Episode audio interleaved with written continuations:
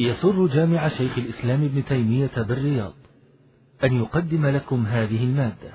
بسم الله الرحمن الرحيم. الحمد لله رب العالمين. صلى الله وسلم وبارك على عبده ورسوله نبينا محمد وعلى آله وصحبه أجمعين. اللهم علمنا ما ينفعنا وانفعنا بما علمتنا وزدنا علما وعملا يا كريم. واغفر اللهم لنا ولوالدينا ولشيخنا والحاضرين وجميع المسلمين.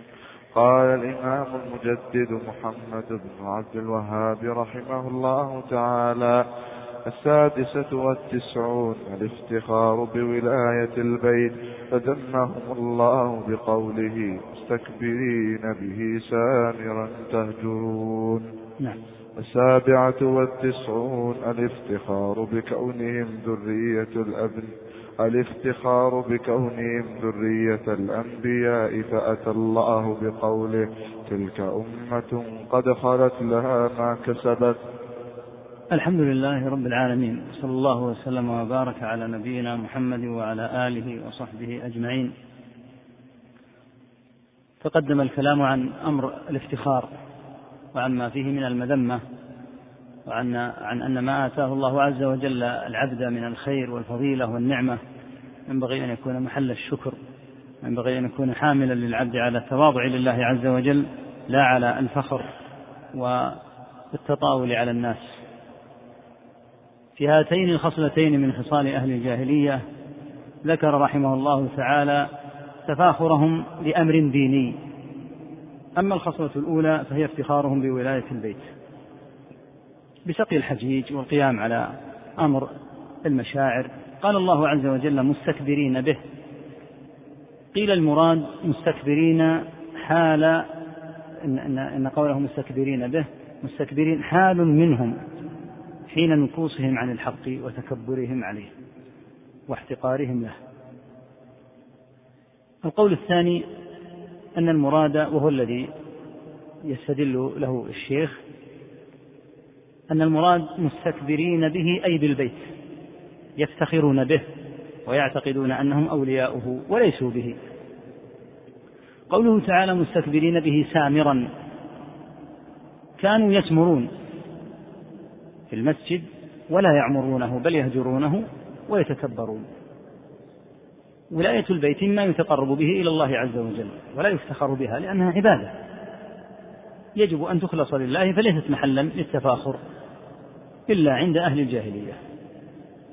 الخصلة الثانية التي بعدها تفاخرهم أيضا بأمر ديني وهو أنهم يتفاخرون بأنهم من ذرية الأنبياء. معلوم أن كل نفس بما كسبت رهينة. فالمتفاخر بكونه من ذرية أنبياء أو ذرية صحابة أو ذرية صالحين يقال له أولئك عملوا ورفع الله عز وجل قدرهم وعملهم لهم. واشتغالك بهذا التفاخر يشغلك عن العمل الذي ينفعك ويرفعك عن السير على هديهم وطريقتهم. قال الله عز وجل تلك أمة قد خلت لها ما كسبت ولكم ما كسبتم. ولا تسألون عما كانوا يعملون. أي أن السلف من آبائكم من الأنبياء الصلحاء لا ينفعكم مجرد انتسابكم إليهم. إذا لم تفعلوا خيرا كما فعلوا يعود نفعه عليكم أنتم.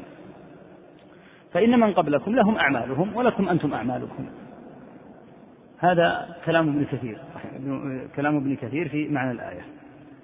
بعد ذلك أورد ابن كثير رحمه الله تعالى حديث من بطأ به عمله لم يسرع به نسبه بطأ به عمله أي أن عمله ضعيف بطيء.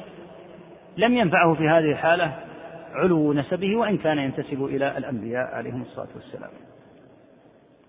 بعد ذلك ابن كثير قال عند الآية الثانية التي لأن الآية وردت في سورة البقرة في موضعين قال وليس يغني عنكم انتسابكم إليهم من غير متابعة منكم لهم. ولا تغتروا بمجرد النسبة إليهم. حتى تكونوا منقادين مثل منقادين مثلهم لأوامر الله تعالى واتباع رسله. انتهى كلامه بمعناه. لما أنزل الله تعالى على نبيه صلى الله عليه وسلم قوله وأنذر عشيرتك الأقربين قال النبي صلى الله عليه وسلم يا معشر قريش أو كلمة نحوها اشتروا أنفسكم لا أغني عنكم من الله شيئا. يا عباس ابن عبد المطلب لا أغني عنك من الله شيئا. يا صفية عمة رسول الله لا أغني عنك من الله شيئا. يا فاطمة بنت محمد سليني من مالي ما شئت لا أغني عنك من الله شيئا.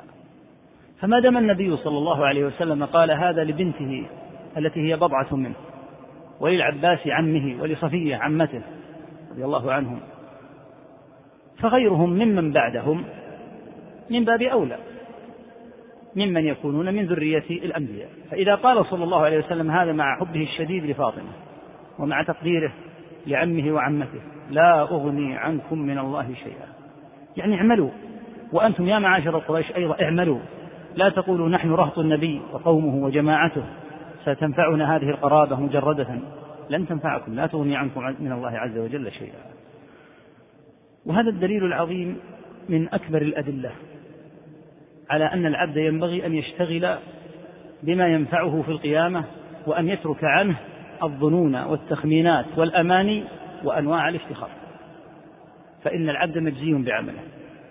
وقد ثبت عنه عليه الصلاة والسلام أيضا أنه أخبر أن من غل شيئا فإنه يأتي به يوم القيامة على رقبته. فالذي يوكل على أمر من أمور المال العام للمسلمين فيخون فيه ويأخذ منه فإنه يأتي به يوم القيامة حتى قال صلى الله عليه وسلم والذي نفسي بيده لا يأخذ أحد منه شيئا إلا أتى به يوم القيامة إن كان بعيرا له رغاء يعني يحمله في القيامة أو شاة تيعر. يعني بصوتها الثغاء هذا معروف أو بقرة لها خوار. الشاهد قوله فيقول يا محمد فأقول لا أغني عنك من الله شيئا. قد أبلغتك. يعني أني حذرتك من أن تغل شيئا من الأموال العامة. فإذا حملها عياذا بالله على رقبته ورأى النبي صلى الله عليه وسلم وطلب منه أن ينفعه في هذا الموقف قال لا أغني عنك من الله شيئا. لأنه قد أبلغه. وهذا الدليل عظيم وهو من أعظم أدلة التوحيد على أن الأمر لله سبحانه وتعالى من قبل ومن بعد وعلى أن العبد ينبغي أن يلزم السنة وأن يترك عنه التخرصات والظنون. فإن كان من نسل رسول الله صلى الله عليه وسلم أو من نسل الصحابة رضي الله عنهم فلا يتوهمن أبدا أن ذلك سينفعه مجردا عن العمل. بل قد قال الأوزاعي رحمه الله تعالى للمنصور والمنصور كما نعلم من سلالة العباس رضي الله عنه. لما كتب له كتابا ينصحه وللأوزاعي رحمه الله مجموعة من الخطابات والكتب ينصح فيها الخلفاء والولاة والأمراء رحمه الله ونفع الله عز وجل بكثير من مواعظه ورسائله. تجد هذه الرسائل اعتنى بها ابن أبي حاتم رحمه الله تعالى في الجرح والتعديل عندما ترجم الأوزاعي وله في هذا مواقف عظيمة جمة مع الخلفاء في نصحهم. فكان من ذلك أن كتب لأبي جعفر المنصور ما معناه اعلم أن قرابتك من رسول الله صلى الله عليه وسلم تزيد من التبعة عليك.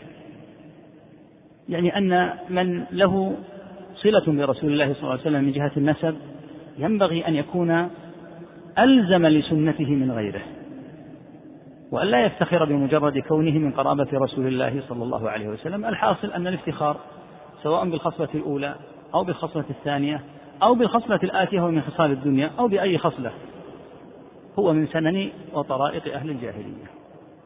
الآية تلك أمة قد خلت لها ما كسبت لكم ما كسبتم نزلت في بني إسرائيل يفتخرون بأنهم من ذرية إسرائيل. إسرائيل هو يعقوب عليه الصلاة والسلام. يقول تعالى يا بني إسرائيل مذكرا إياهم بذاك النبي الكريم. يا بني إسرائيل أي يعقوب. ومعنى كلمة إسرائيل عبد الله لأن إيل ترجمتها الله وإسراء عبد. فالحاصل أن مجرد النعمة الدينية بولاية البيت أو كون الإنسان من نسل رسول الله صلى الله عليه وسلم فإن ذلك ليس محلا للافتخار بل هو محل لشكر الله تعالى والسير على هدي السالفين الصالحين. نعم. أحسن الله عليك. قال السابع الثامنة والتسعون الافتخار بالصنائع كفعل أهل الرحل أهل الرحلتين على أهل الحرث. هذه الخصلة من خصال أهل الجاهلية افتخار بأمر دنيوي. الافتخار بالصنائع.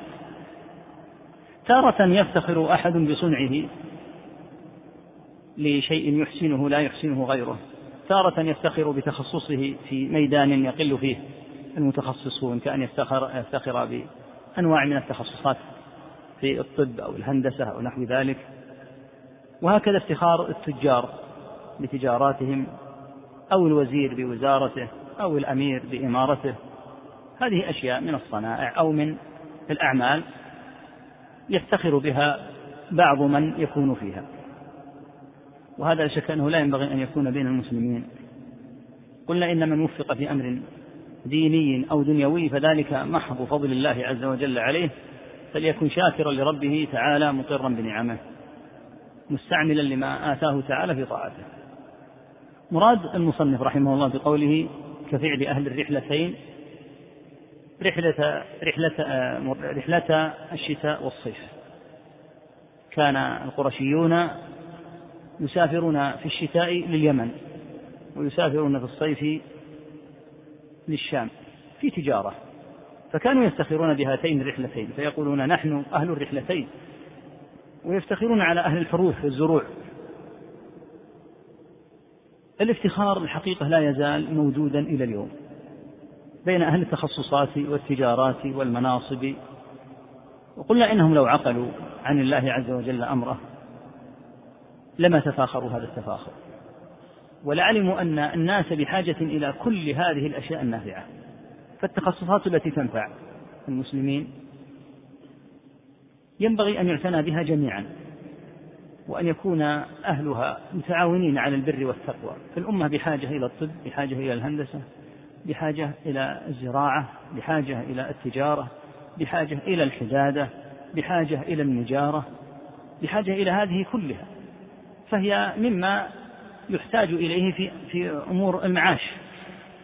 وليست وليست محلا للتفاخر بأن يفخر هؤلاء على هؤلاء كما تقدم في الحديث إن الله أوحى إلي أن تواضعوا حتى لا يبغي أحد على أحد ولا يفخر أحد على أحد.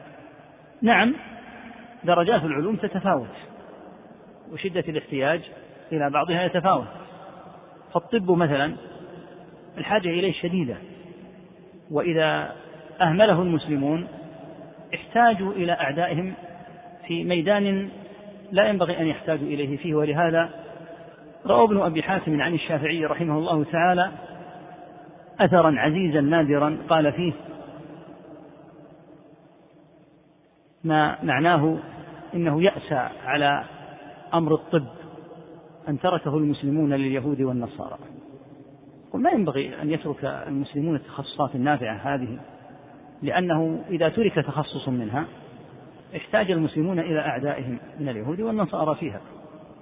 والطب كما تعلمون ميدان يحتاج فيه إلى الأمانة من عدة جهات.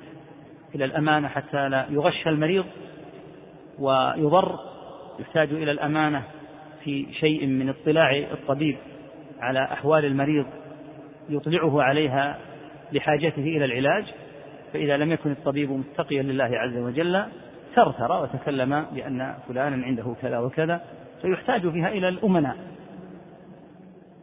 فإذا لم يسد تسد الحاجة فيها احتاج المسلمون فيها إلى الكفار. ولهذا هذه الصنائع كلها وهذه التخصصات والمهن والحرف من أصلح نيته فيها.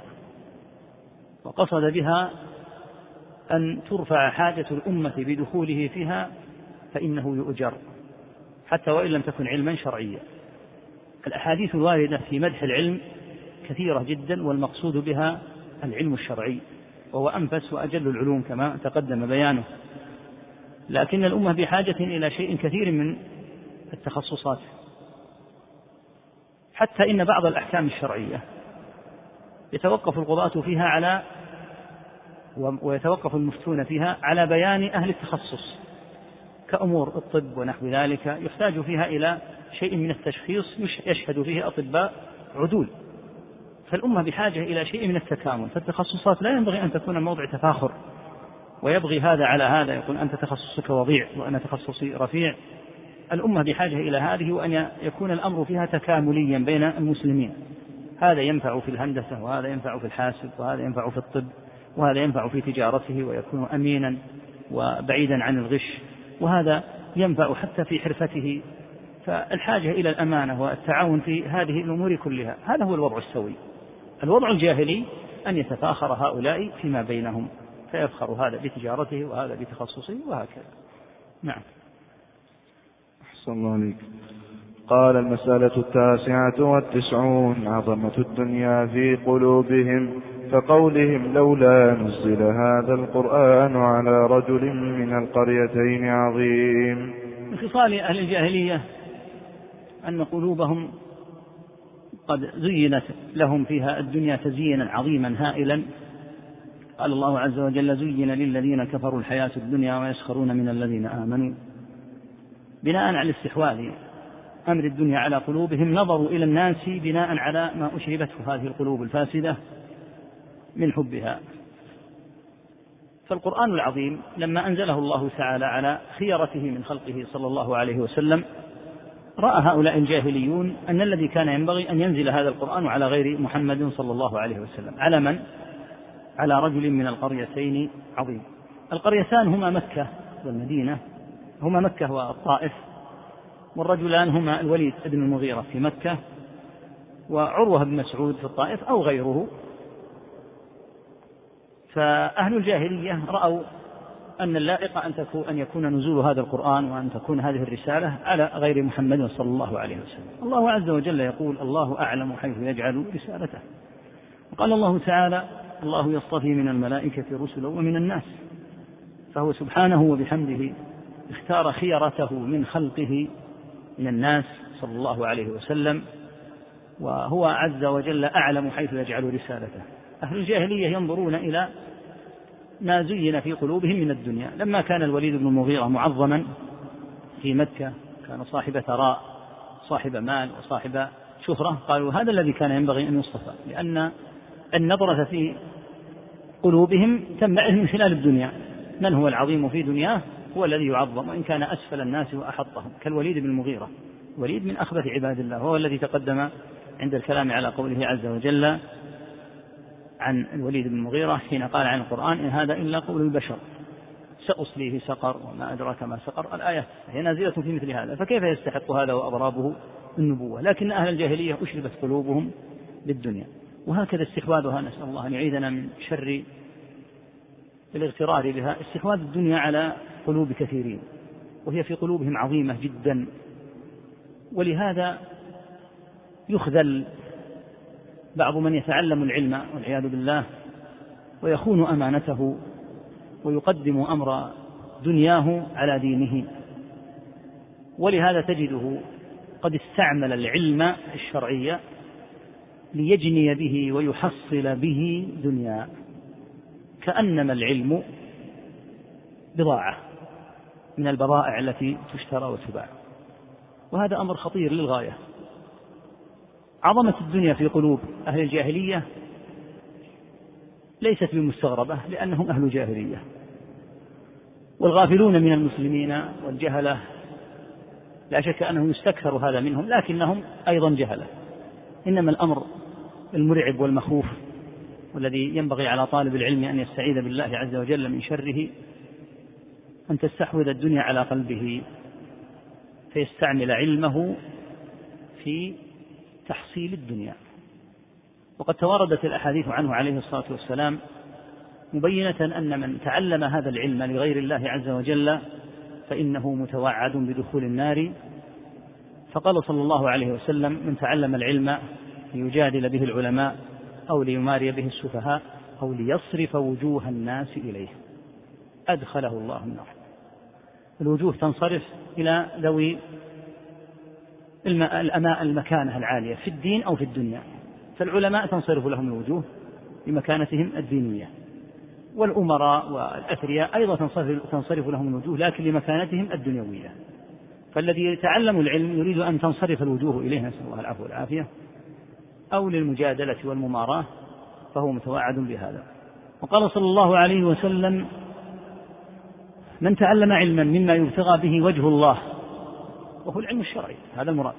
من تعلم علما مما يبتغى به وجه الله لا يتعلمه إلا لينال به عرضا من الدنيا لم يجد رائحة الجنة. ولهذا قال صلى الله عليه وسلم أيضا أكثر منافقي أمتي قراؤها نعوذ بالله. قراءهم الذين يتعلمون العلم يكثر فيهم النفاق لأن العلم يرفع أهله.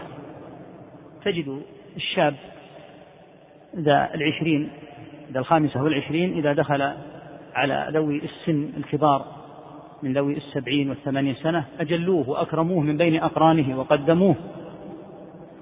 فالمخذول يرى أن أن العلم لما كان فيه هذه الرفعة يرى أنه وسيلة من وسائل الارتفاع به في الدنيا على أقرانه. فهذا أمر مخوف جدا على طلبة العلم. آفتان خطيرتان جدا علينا جميعا. الآفة الأولى طلب العلم لغير الله عز وجل سواء للمال أو للمنصب والشهرة والارتفاع على الأقران وأن يكون الواحد بارزا من بينهم. والخطر الثاني هو عدم العلم بالعمل فيكون على علم بالأحكام وبالذي ينبغي ويتعمد مخالفة هذه الأحكام. وقد جاء عنه عليه الصلاة والسلام في حديث سمرة الطويل الذي رواه البخاري أن النبي صلى الله عليه وسلم رأى عددا من الذين يعذبون في قبورهم الزناة والزواني ورأى أكلة الربا ورأى الذي يكذب الكذبة فتحمل عنه حتى تبلغ الآفاق ورأى أيضا من تعلم علما لم ينفعه الله بعلمه. فقال صلى الله عليه وسلم في نوع عذابه رجل قائم ورجل قاعد رجل قاعد وعلى رأسه رجل قائم بيده فهر الفهر ما يملأ اليد من الحصى أو صخرة فيضرب على رأسه فينشدخ الرأس إذا ضرب بصخرة أو بحصن قوي بحصاة قوية انشدخ. فيتدهده الحجر. يتدهده أي يتدحرج. فيتبعه يعني هذا الذي يعذبه وهو الملك يتبعه ثم يعود إليه فيلتئم رأسه نسأل الله العافية. يعني حتى يعود عليه بالضرب فيضربه ثانية. يفعل به هذا إلى يوم القيامة نسأل الله العافية. مستمر في القبر. هذا النوع بعض أنواع العذاب في القبر كعذاب الزنات وكعذاب هذا الصنف يستمر إلى يوم القيامة. فسأل صلى الله عليه وسلم عن هذا فقال له الملكان انطلق انطلق. وفي آخر الحديث قال رجل علمه الله القرآن. فلم يعمل فيه فلم رجل علمه الله بالقرآن فنام عنه بالليل ولم يعمل فيه بالنهار. ما تأثر ليله ولا نهاره. النهار لا عمل في القرآن والليل ينام كما في اللفظ الآخر هو الرجل يرفض القرآن وينام عن الصلاة المكتوبة. أي عن الفريضة فينام عن الصلاة المكتوبة فلا يقيمها ولا يعمل في النهار بما آتاه الله عز وجل من العلم فهو يعلم ولكنه لا يعمل. فآفتان خطيرتان استولتا على القلوب وغيرت النية فعلى طالب العلم أن يتفحص. وأهل العلم في مجالسهم عليهم سمت ووقار إذا جلسوا في مجالسهم لم يقوموا إلا بفائدة وبمنفعة. ومن علامة الخذلان أن يكون في مجالس طلبة العلم ما في مجالس أهل الهزل واللعب بأن يجلسوا فيخوضوا كما يخوض أهل الغفلة ولا تتأثر مجالسهم بما آتاهم الله تعالى من العلم. أهل العلم إذا جلسوا أفاد هذا فائدة وذكر هذا بموعظة وذكر هذا أخاه بخير يعينه عليه وذكر ذاك أخاه بشر ينبغي أن يجتنب فينتفع بمجالس أهل العلم وطلبة العلم. ولهذا جاء عن ابن مسعود رضي الله عنه أن طالب أن صاحب القرآن ينبغي أن يعرف بليله إذا الناس نائمون وبسكوته إذا الناس يهدرون أو نحو ذلك. طالب العلم متميز أمره في عبادته وفي عمله وفي سمته لأن الذي يعلم ليس كالذي لا يعلم. الذي يعلم يلزمه العمل. فالحاصل أن استيلاء الدنيا عياذا بالله غير كثيرين وجعلهم ينظرون إلى الناس من خلال الدنيا. فلما عظموا الدنيا صار النظر إلى الناس رفعة أو انخفاضا في نظرهم بحسب ما عندهم من الدنيا. ووصل هذا إلى بعض من لديه علم حتى فاستعمل علمه لأجل الدنيا. فهذا أمر مخوف وما يحذر وإما ينبغي أن يتفطن له. وقلنا إن طلبة العلم ينتفع بعضهم من بعض. إذا جلس طلبة العلم إلى بعضهم قاموا وقد ذكر بعضهم بعضا وقد أفاد بعضهم بعضا واستفادوا وانتفعوا. فلهذا تجد مجالس أهل العلم وطلبته مجالس خير ومجالس ذكر حتى في مجالسهم العامة. وليس معنى ذلك أنهم لا يتكلمون أبدا في أمور الدنيا يتكلمون. لكن إذا تكلموا في أمور الدنيا عرفوا فيما يتكلمون وكيف يتكلمون. لا يتكلمون كما يتكلم السذج والجهال والعوام بالغيبة والنميمة والثرثرة والسخرية بالناس بألوانهم بألسنتهم بكذا. ما فائدة العلم؟ ما فرق مجلسك عن مجلس الفساق والفجار؟ ما في فائدة. إذا إذا لم تتميز المجالس ولم يكن على صاحب العلم منه أثر في قلبه وفي لسانه ومنطقه وفي عمله فما الفائدة من هذا العلم؟ ينبغي أن يلاحظ هذا وأن ينظر أيضا إلى الناس النظرة التي ينظرها ذو الفهم السوي بأن ينظر إليهم بحسب تقواهم. إن أكرمكم عند الله أتقاكم. أما النظرة الجاهلية فهي بحسب الدنيا. حتى قالوا في النبي صلى الله عليه وسلم ما قالوا لولا نزل هذا القرآن على رجل من القريتين عظيم. يعني كأنه في نظرهم لا يليق أن ينزل على هذا النبي الكريم. كأنه في زعمهم هناك من هو أولى منه. كعروة بن مسعود أو الوليد المغيرة وأمثاله بسبب استيلاء الدنيا عليهم. نعم. أحسن عليك. قال المئة التحكم على الله كما في الآية. كما في الآية؟ هذا عندك؟ طيب. التحكم على الله كما في الآية يعني كما في الآية السابقة. وقالوا لولا نزل هذا القرآن على رجل من القريتين عظيم. ما الذي حملهم على أن يقولوا هذا؟ التحكم. تقدم أن الله تعالى يقول الله أعلم حيث يجعل رسالته. فقالوا لا ينبغي أن تكون الرسالة وأن يكون القرآن نزوله على الوليد أو على عروة. التحكم دائما هو فعل المفلس من الحجة. فحيث لا برهان عنده يقول لا بد أن يكون الأمر كذا وكذا. هل عندك برهان على أن الأمر لا بد أن يكون كذا؟ ما عنده برهان. لكن يقول ينبغي أن يكون الأمر هكذا وكفى. يكون الأمر كذا. هذا معنى التحكم. المتحكم هو الذي يقول إن المسألة يجب أن تكون على وفق كذا وكذا. ما دليلك؟ هكذا. هذا معنى التحكم.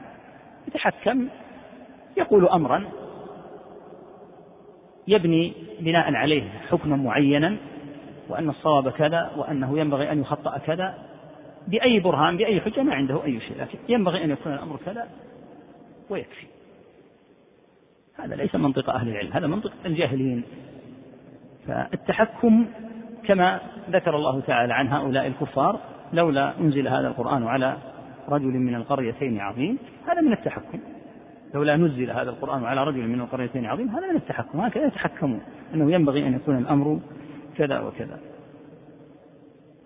تقدم أن الذي حملهم على أن يزعموا أن الوليد وعروة أولى هو مجرد النظرة إلى الدنيا.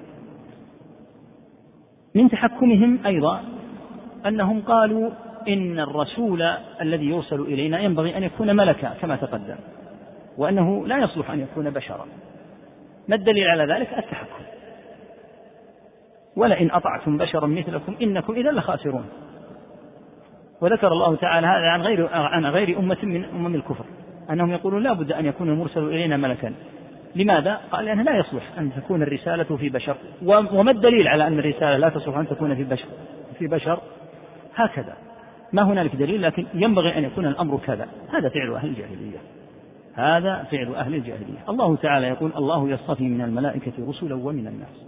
وهذه الطريقة في التحكم هي طريقة كثير من أهل الباطل. يزعمون أن المسألة ينبغي أن تكون كذا وأن الصواب هو كذا بلا حجة ولا ولا برهان. وإنما هكذا يقررون بلا برهان. هذا معنى التحكم. نعم. أحسن الله عليكم. المسألة الحادية بعد المئة ازدراء الفقراء فأتاهم الله بقوله ولا تطرد الذين يدعون ربهم بالغداة والعشي. هذه المسألة في ازدراء واحتقار الفقراء سببها ما تقدم أيضا من عظمة الدنيا أيضا في قلوبهم معلوم أن الله تعالى جعل الدنيا دار امتحان. يبسط الرزق لمن يشاء ويقدر سبحانه وتعالى الرزق لحكمة بالغة يعلمها. فيجيء في الناس فقراء ويجيء في الناس أغنياء والله عز وجل حكيم خبير. الفقير ربما كان من أحب الخلق إلى الله عز وجل. كما في حديث رب أشعث أغبر ذي طمرين يعني ثوبين باليين من شدة فقره. لو أقسم على الله لأبره لو أنه أقسم على الله أن يقع كذا لأبر الله قسمه. ما حاله؟ أشعث. في رأسه. أغبر. ذي طمرين ثياب خلقة. في بعض الروايات مدفوع بالأبواب. إذا أتى ليس من أهل الوجاهة وقال له تفضل. وإنما إذا أتى دفع. ارجع. لفقره وضعف حاله. لو أقسم على الله لأبره هو عند الله بهذا المقام وهو عند الناس بهذا المقام.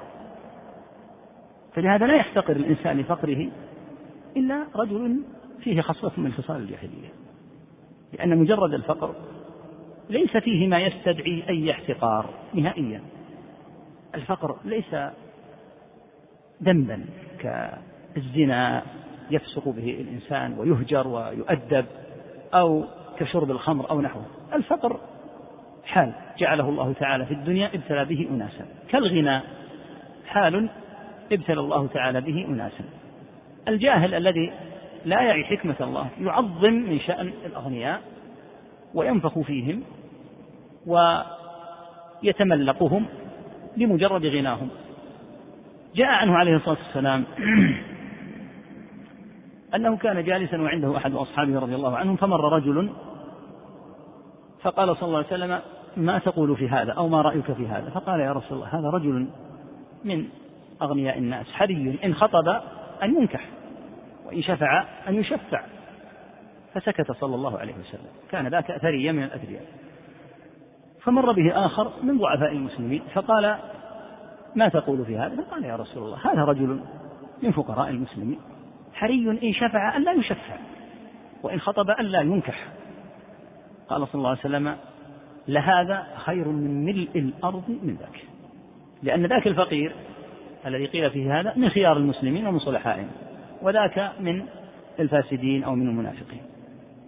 فالموازين عند البشر ينبغي أن تعدل على وفق النصوص. وقد تقدم المراد بقوله تعالى ولا تطرد الذين يدعون ربهم بالغداة والعشي وبينا سبب نزولها.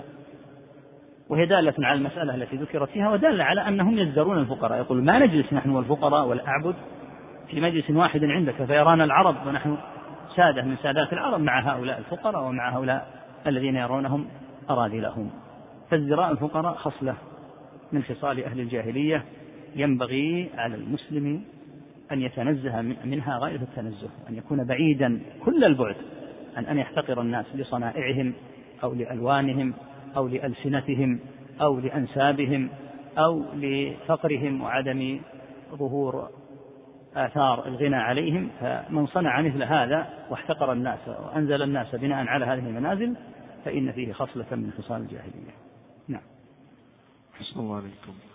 الثانية بعد المئة رميهم أتباع الرسل بعدم الإخلاص وطلب الدنيا فأجابهم بقوله ما عليك من حسابهم من شيء؟ الآية وأمثالها. الآية إذا قيل الآية كما عندك ما عليك من حسابهم من شيء؟ الآية. هنا تقدير أي أكمل الآية. تجدون كثيرا أهل العلم رحمهم الله يذكرون بعض الآية ثم يقولون بعدها الآية. هذه منصوبة. مقدر فيها أكمل الآية هذا المعنى. يعني حتى يتضح فيختصرون ذكر الآية ويحيلون طالب العلم إلى إكمال الآية. لأن بقيتها ما عليك من حسابهم من شيء ومن حسابك عليهم من شيء فتطردهم فتكون من الظالمين.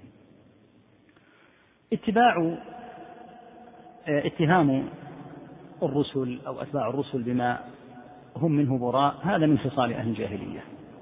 أهل الجاهلية لما لم يؤمنوا ولم تتزكى نفوسهم ولم تتطهر قلوبهم ولم تتقوم ألسنتهم ولم تصلح أعمالهم ووجد الزكاء والطهر في الرسل وأتباعهم عليهم الصلاة والسلام صار هؤلاء الجاهليون يرمون الرسل ويرمون أتباع الرسل بأنهم إنما يظهرون الدين للدنيا فهم غير مخلصين وإنما يريدون بالدين الدنيا فيتهمونهم بالنفاق والرياء هذا المعنى.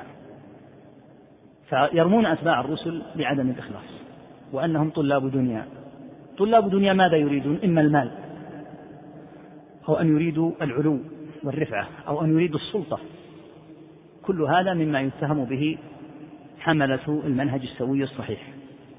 وهذه سنة في الجاهليين قديمة اتهموا بها حتى الرسل.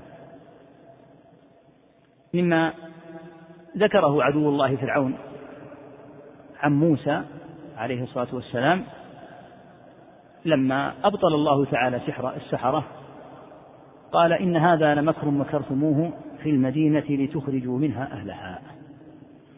يقول ما هو إلا مكر منكم؟ وقال في موسى عليه الصلاة والسلام إنه لكبيركم الذي علمكم السحر. يقول هذا الأمر مخطط بينكم ومدبر بينكم وبين موسى فموسى هو كبيركم الذي علمكم السحر. ومن ذلك قوله متهما موسى وهارون وتكون لكما الكبرياء في الأرض تريدون أن تتكبروا في الأرض. وقال أيضا في اتهامهم في مقاصدهم لتخرجوا منها أهلها. يعني تخرجوا أهل الأرض منها. وتكون الكبرياء لكم. فأظهرتم الدين والرسالة وأظهرتم الإيمان لهذه المقاصد. هذه سنة في أهل الكفر وأهل الجاهلية. وقد تقدم أن العرب تقول لكل قوم وارث. فكما أن الأنبياء يرثون العلماء فكما أن الأنبياء يرثهم العلماء ففرعون والطغاة يرثهم من بعدهم. فلكل قوم وارث. قال الله تعالى وكذلك جعلنا لكل نبي عدوا من المجرمين. ورثة الأنبياء هم العلماء. فكما أن المجرمين عادوا الأنبياء فورثة المجرمين يعادون ورثة الأنبياء وهذا مستديم إلى قيام الساعة. وكذلك جعلنا لكل نبي عدوا من المجرمين. جعل الله للأنبياء أعداء الذين ورثوا علم النبوة وهم العلماء يقابلهم أعداء الرسل القدامى وهم المجرمون فيرث المجرمون مجرمين ويرث الرسل علماء فتستمر العداوة بين ورثة الأنبياء وبين ورثة المجرمين كما كانت العداوة موجودة بين الأنبياء وبين المجرمين. ومن ذلك هذه الاتهامات. لا يزال أهل الباطل من العلمانيين وأضرابهم يتهمون أهل الصلاح بأنهم يظهرون الدين ليتوصلوا به إلى مطامع دنيوية ومن أكثر ما يتهم به أهل الخير أنهم يقصدون الوصول إلى الحكم. هذا كثير ما يتهم به أهل الدين والصلاح. أو أن مقصدهم بالأمر بالمعروف والنهي عن المنكر وذكر منهج السلف أنهم يقصدون أن يؤلبوا الرعية بالتدريج على الحاكم. نعم يوجد بعض من يتزيا للأسف بالعلم من له مطامع ومطامح قبيحة وهذا لا ينكر لكن اتهام جميع أهل الحق واتهام الملتزمين بالسنة من أهل العلم الذين يعون أن الحفاظ على الجماعة أصل أصيل في اعتقاد أهل السنة وأنه لا يجوز أن يتسبب في نزع اليد من الطاعة ويقررون هذا في العقيدة ويظهرون هذا في خطبهم وفي دروسهم وفي فتاواهم وفي توجيههم للناس سواء على نطاق الأفراد أو على نطاق الجماعات ومع ذلك يقال وإن كان. وهم يريدون في نهاية المطاف هذا. قال هذه طريقة أهل الجاهلية. كما اتهم فرعون موسى فأنتم تتهمون حملة العلم الشرعي وأئمة السنة بمثل هذا. كما اتهم من قبلكم من هم أجل ممن كانوا ممن تتهمونه. فالمظهر للعلم والسنة والخير لا يجوز أن يتهم في دينته في دينه أو أن يقال إنه يرائي أو أنه يقصد كذا وكذا. وهذا ليس فقط في أهل العلم في كل مسلم كل مسلم عرضه مصون. ولا يجوز بتاتا أن يتهم في نيته. والمتهم له في نيته هو الضعيف العاجز. إن كان لديك برهان على خلل عنده فهات قولا أو فعلا محققا يشهد به أنه على الباطل. أما إذا لم تجد وادعيت أن مراده وهدفه فأحد أمرين. إما أن تدعي الغيب فتكفر وتقول إني أعلم ما الذي في قلبه فتكون كافرا بالله لادعاء الغيب. وإما أن تقول أنا لا أدعي الغيب فيقال كف عنه إذا واترك عنك التناول لنيات الناس ومقاصدهم فإنها أمور لا يعلمها إلا علام الغيوب.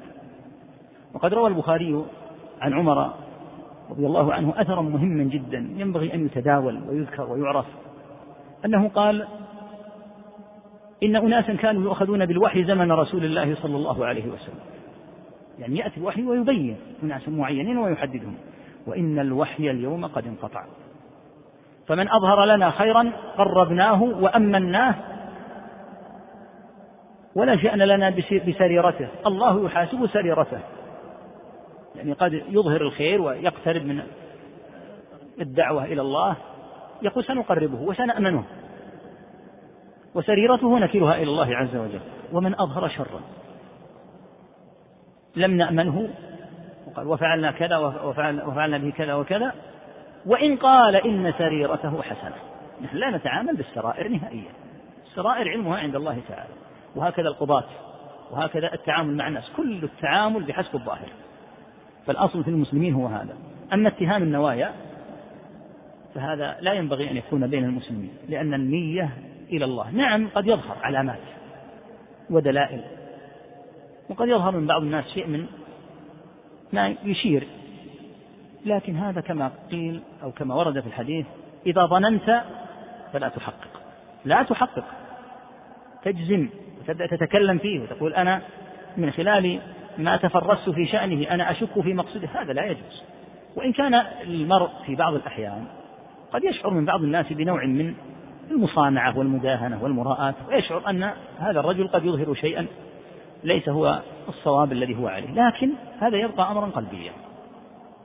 لا تظهره لأنه ليس حجة ولا برهان. قد تحذره أنت قد تهابه فيما بينك وبينه. قد تكل أمورا إلى غيره ولا تقول إن فيك كذا وكذا. لكن يحوم حوله بعض الأمور التي قد تشعر بنوع من الريبة. لكن لا يحل أن تتكلم فيه نهائيا. أما كونك تقول إن العمل الفلاني يتولى هذا وهذا هذا أمر إليك أنت. لك أن تولي على عملك هذا وأن تقصي هذا هذا راجع إليك أنت. لكن لا تحقق ولا تتكلم أمام الناس لأن فلانا هذا مدخول النية قبيح القصد. ما دليلك؟ هكذا يجوس في خاطري. كم جاس في الخواطر؟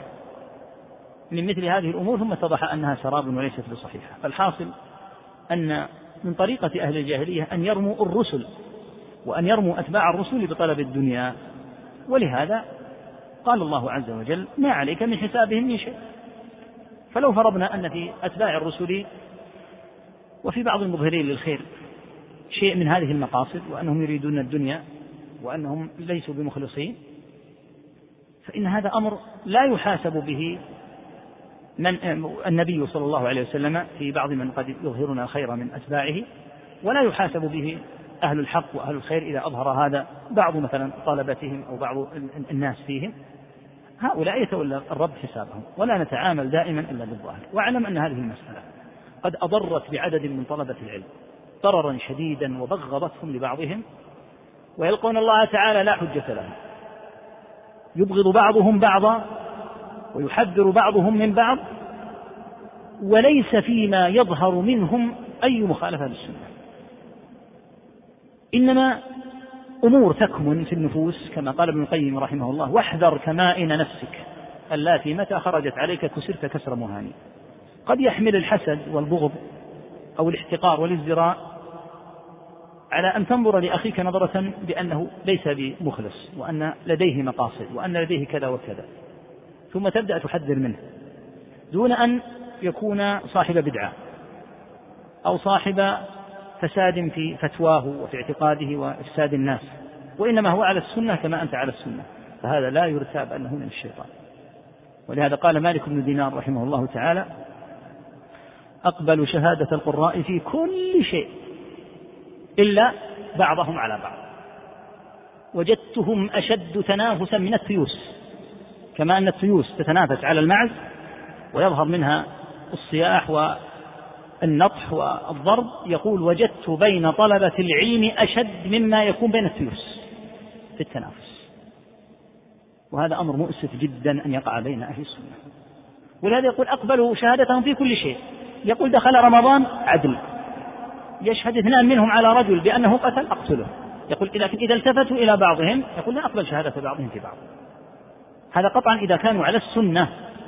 أما شهادة طالب العلم السني على المبتدع فهي واضحة. يقول هذا رجل يروج لبدعة كذا وكذا ويسهل أمر التعاون مع أعداء الله عز وجل ويخفف من أمر الروافض ومن أمر الخلاف البدعي ويسهل من شأنه.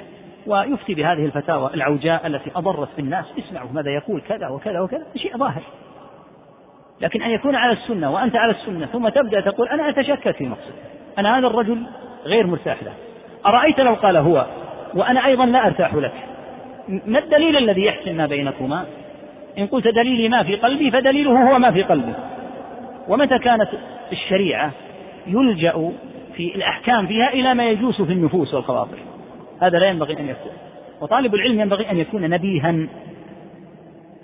وأن يستفيد من العلم وأهله وأن يبعد عن مثل هذه النزاعات التي بين أهل السنة. أضعفتهم وأشمتت بهم أعداءهم وأدخلت أعداء السنة عليهم شعروا أو لم يشعروا. فصرنا موضع الشماتة. وهذا حاصل. وينبغي أن يجهر به وأن يعلم طلبة العلم أن يدرسوا العلم ويستفيدوا منه. فإذا رأوا ما بين اثنين من أهل السنة ممن هم على السنة. شيئا من النزاعات استفد من علمه واترك نزاعه. ولهذا قال أهل العلم كلام الأقران يطوى ولا يروى. الأقران الذين يكون بينهم منافسة في العلم. يطوى فإذا قال فلان في فلان كذا وهو من أهل السنة وذاك من أهل السنة وهذا من أهل العلم وهذا من أهل العلم. هذا يحرض على البدع والضلالات ويحض الناس على اجتنابها وذاك يفعل نفس الفعل. وهذا يدعو إلى السنة وإلى الخير والظاهر منه لزوم السنة. وذاك الآخر الظاهر منه لزوم السنة. ما الذي أوجد هذه الخصمة بينهم؟ وهم جميعا على السنة الشيطان الرجيم. وهذه البلايا التي تجوس في النفوس. فالذكي النبيه من طلبة العلم يستفيد من علمهم ويبعد عن نزاعهم. ولا تفهم بتاتا أن المقصود ما يكون من النزاع بين أهل السنة وأهل البدعة. هذا مما يتقرب به المؤمن إلى الله تعالى. هذا يجهر به. الروافض المتصوفة أهل الباطل أهل التمييع للدين. هؤلاء يتقرب إلى الله بالجهر بمذمتهم والتحذير منهم. لكن البلاء كل البلاء في طلبة من أهل السنة. عقيدتهم واحدة واستدلالهم واحد ومنهجهم واحد وبينهم هذه الخصمة. في نفوسهم على بعضهم ما فيها. كن نبيها استفد من علم هذا وعلم هذا وعلم هذا واترك صراعهم. وستجد آثار هذه الوصية. إن التزمتها أن تستفيد من علم هذا ولا تتضرر بما عنده من ما يسمونه بالزغل. يعني يكون بين أهل العلم هذا الزغل وهذا البلاء الذي يحدث بين بعضهم قطعا. ليس كل أهل العلم يقينا ليس كل أهل العلم لكن يوجد. فلا تترك علم هذا وقد برز في فن عظيم قد يكون فيه رأسا. لا تترك علمك خذ منه. واترك عنك ما يقوله في أخيه الآخر. واذهب إلى أخيه الآخر الذي هو من أهل السنة. وبرز في علم آخر. وخذ من علمه واترك صياحه وتحذيره من أخيه الآخر. فتستفيد من علم هؤلاء وتترك ما عندهم من البلاء. وكن دقيقا الكلام يقصد به أهل السنة فقط. لا أهل البدعة. أهل البدعة دائما يحذر منهم. ولهذا ذكرنا لك أثر مالك بن دينار رحمه الله لما قال وجدتهم يعني بعض طلبة العلم أشد تنافسا من التيوس على المعز يوجد هذا التنافس يوجد هذا الصراع للأسف وبعضه طفى وظهر والجميع من أهل العلم. وإذا جلست إلى بعضهم للأسف وقلت ما الذي في خاطرك على أخيك؟ أطال الكلام ورفع الصوت واحمرت عيناه. ما عنده شيء هذا الواقع ما عنده شيء.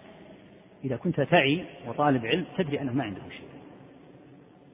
لم يستطع أن يضبط عليه شيئا واحدا على خلاف السنة. نفس الوضع. إذا سألت الآخر فلان هذا ما الذي حملك على هذا التحذير منه حتى ربما لا تسلم عليه؟ نفس الوضع الذي رأيته في الأول تراه في الثاني. وفيه وفيه وفيه. وليس هناك وضع حقيقي يقتضي هذا الذي حصل.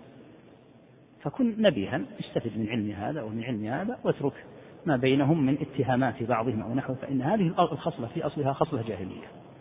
لأن الأصل أن أتباع الرسل يزكون في الظاهر ويرجى لهم في الباطن أن يكونوا ممن انتفع بعلمهم. لا نجزم على نواياهم بأنها طيبة لكن نقول الأصل فيهم هو هذا من حيث العموم. فاتهامهم في نواياهم أصله من غير أهل الحق. فإذا وجد مثل هذا بين أهل الحق فعلى طالب العلم أن يكون كما ذكرنا نبيها يترك عنه مثل هذه الأمور وإلا انعكست للأسف الشديد كما تراها الآن. تجد شابا في السابعة عشرة وآخر في عمره قد اختصم. لماذا؟ لأن الشيخ فلان والشيخ فلان اختصم. وأنت بهذه الشخصية الذائبة إذا اختصم هؤلاء فوقك اختصمتم أنتم؟ هل يكون عندك عقل ورشاد؟ وتأتي لتستفيد من من الطرفين وتترك عنك الزغل هذا؟ وتنعكس عليكم هذه الأمور؟ إذا اختصم أولئك اختصمتم وإذا اصطلحوا اصطلحتم. هذا ذوبان شخصية. ينبغي أن يكون طالب العلم أعقل وأن يهيئ نفسه دائما إلى ما ذكرنا من مثل هذا وإلا صار الناس على ما ترى للأسف من هذه التحزبات فلان يتبعه عدد من الناس وآخر يتبعه عدد من الناس. فلان اختصم مع فلان اختصم أتباع هذا مع أتباع هذا. والتحزب يا إخوة تارة يكون واضحا فتنشأ جماعة تسمي نفسها باسم. وتارة, وتارة يوجد تحزب لا يتفطن إليه أهله. وهو أنهم يكونون كما قال الأول هل أنا إلا من غزية؟ إن غزت غويت وإن ترشد غزية أرشد. الذي يقوله فلان نحن معه بعلم أو بغير علم. هذا تحزب وإن لم تتسموا باسم. هذا تحزب في واقع الأمر لأن العبرة بالمضامين. حتى لو لم يتسمى باسم بحزب أو بجماعة أنتم الفعل الذي فعلتموه هو التحزب. وخاصمتم إخوانا لكم آخرين وعاديتموهم وإن لم يكن لكم أنتم اسم جماعة كذا أو حزب كذا. واقعكم هو التحزب ولهذا طالب العلم الموفق هو الذي يتعامل مع أهل السنة تعاملا على أساس أنهم من أهل السنة. ويتعامل مع أهل البدعة تعاملا على أساس أنهم من أهل البدعة كالكفار يتعامل معهم على أنهم كفار. والمسلمون يتعامل معهم يتعامل معهم على أنهم مسلمون. فيكون عنده رؤية سليمة بعيدة عن هذه التحزبات وعن هذه الأمور التي أوغرت الصدور وشككت في النوايا وفي المقاصد. والله المستعان. نعم. أحسن الله إليكم. قال المؤلف رحمه الله الثالثة بعد المئة الكفر بالملائكة. الرابعة بعد المئة الكفر بالرسل. الخامسة بعد المئة الكفر بالكتب. السادسة بعد المئة الإعراض عما جاء عن الله. السابعة بعد المئة الكفر باليوم الآخر. الثامنة بعد المئة التكذيب بلقاء الله. هذه مسائل أصول الدين الكبار أصول الإيمان كالإيمان بالملائكة والرسل واليوم الآخر والكتب. أهل الجاهلية يكفرون بها. وواضح تماما أن المقصود بهذه الخصلة المرتدون الكفرة ككفار قريش وأمثالهم. فهذه الخصال واضحة لا تحتاج إلى مزيد شرح. أنهم لما كفروا بالله عز وجل كفروا برسله كفروا بكتبه كفروا بلقائه كفروا باليوم الآخر كفروا بالكتب أيضا فهذا باب واحد يكون من أهل الكفر. من ذلك أيضا أنهم يعرضون عما جاء عن الله لأنهم لما لم يقروا بأنه من الله أعرضوا عنه. والذين كفروا عما أنذروا معرضون فتجدهم يعرضون. لماذا هذا الإعراض لأنهم يعتقدون أنه ليس من الله فلا يقبلون إليه ولا يلتفتون إليه. فهذه خصال أهل الكفر الصريح الجلي من كفرة الوثنيين وأضرابهم أنهم كفرة بالملائكة بالرسل بالكتب باليوم الآخر. معرضون عما جاء عن الله مكذبون بلقائه تعالى. نعم. أحسن عليك. قال المسألة التاسعة بعد المئة التكذيب ببعض ما أخبرت به الرسل عن اليوم الآخر كما في قوله أولئك الذين كفروا بآيات ربهم ولقائه. ومنها التكذيب بقوله مالك يوم الدين. وقوله لا بيع فيه ولا خلة ولا شفاعة وقول وقوله إلا من شهد بالحق وهم يعلمون. هذا داخل فيما قبله وخصه وهو التكذيب ببعض ما أخبرت به الرسل عن اليوم الآخر. أكثر ما أنكر المشركون التوحيد الخالص في العبادة لله عز وجل وأنكروا البعث. أنكروا البعث وما سيكون بعده من جزاء وحساب وجنة ونار. فخصه رحمه الله تعالى بالذكر لأنه من أكثر ما كفر به الكفار. وإلا فهو داخل في الحقيقة ما قبله من كفرهم بلقاء الله عز وجل واليوم الآخر. اليوم الآخر الإيمان به يتضمن أمورا ثلاثة. الإيمان بالبعث والثاني الإيمان بالجزاء والحساب والثالث الإيمان بالجنة والنار. الكفار جحدوا أول شيء وهو البعث ومن جحد البعث أنكر ما بعده مباشرة. من أنكر البعث ينكر الجزاء والحساب والجنة والنار. فهذا مما أنكر. ولهذا ذكر رحمه الله تعالى جملة من الآيات كقوله تعالى أولئك الذين كفروا بآيات ربهم ولقائه فيكفرون بأن الله بأنهم سيلقون الله تعالى وسيبعثون. وهكذا قوله تعالى مالك يوم الدين لأنهم لا يقرون بيوم الدين. وهكذا ما يكون في الآخرة من انقطاع هذه الأمور التي في الدنيا لا بيع فيه ولا خلة تنقطع ما هنالك بيع ولا شراء في الآخرة ما هنالك خلة وصداقة إلا أهل التقوى الذين تلفوا على التقوى وهي الباقية ولا شفاعة.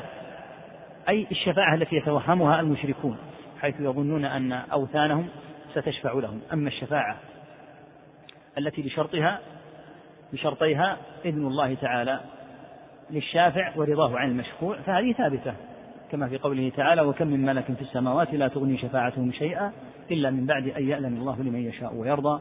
وقوله من ذا الذي يشفع عنده إلا بإذنه؟ فهذه ثابتة لكن المقصود في الآية في نفي الشفاعة الشفاعة التي يتوهمها المشركون التي يظنون أن معبوداتهم ستشفع لهم كما قال تعالى وما نرى معكم شفعاءكم الذين زعمتم أنهم فيكم شركاء. لقد تقطع بينكم وضل عنكم ما كنتم تزعمون. فهذا المقصود بالشفاعة المنفية في الآية.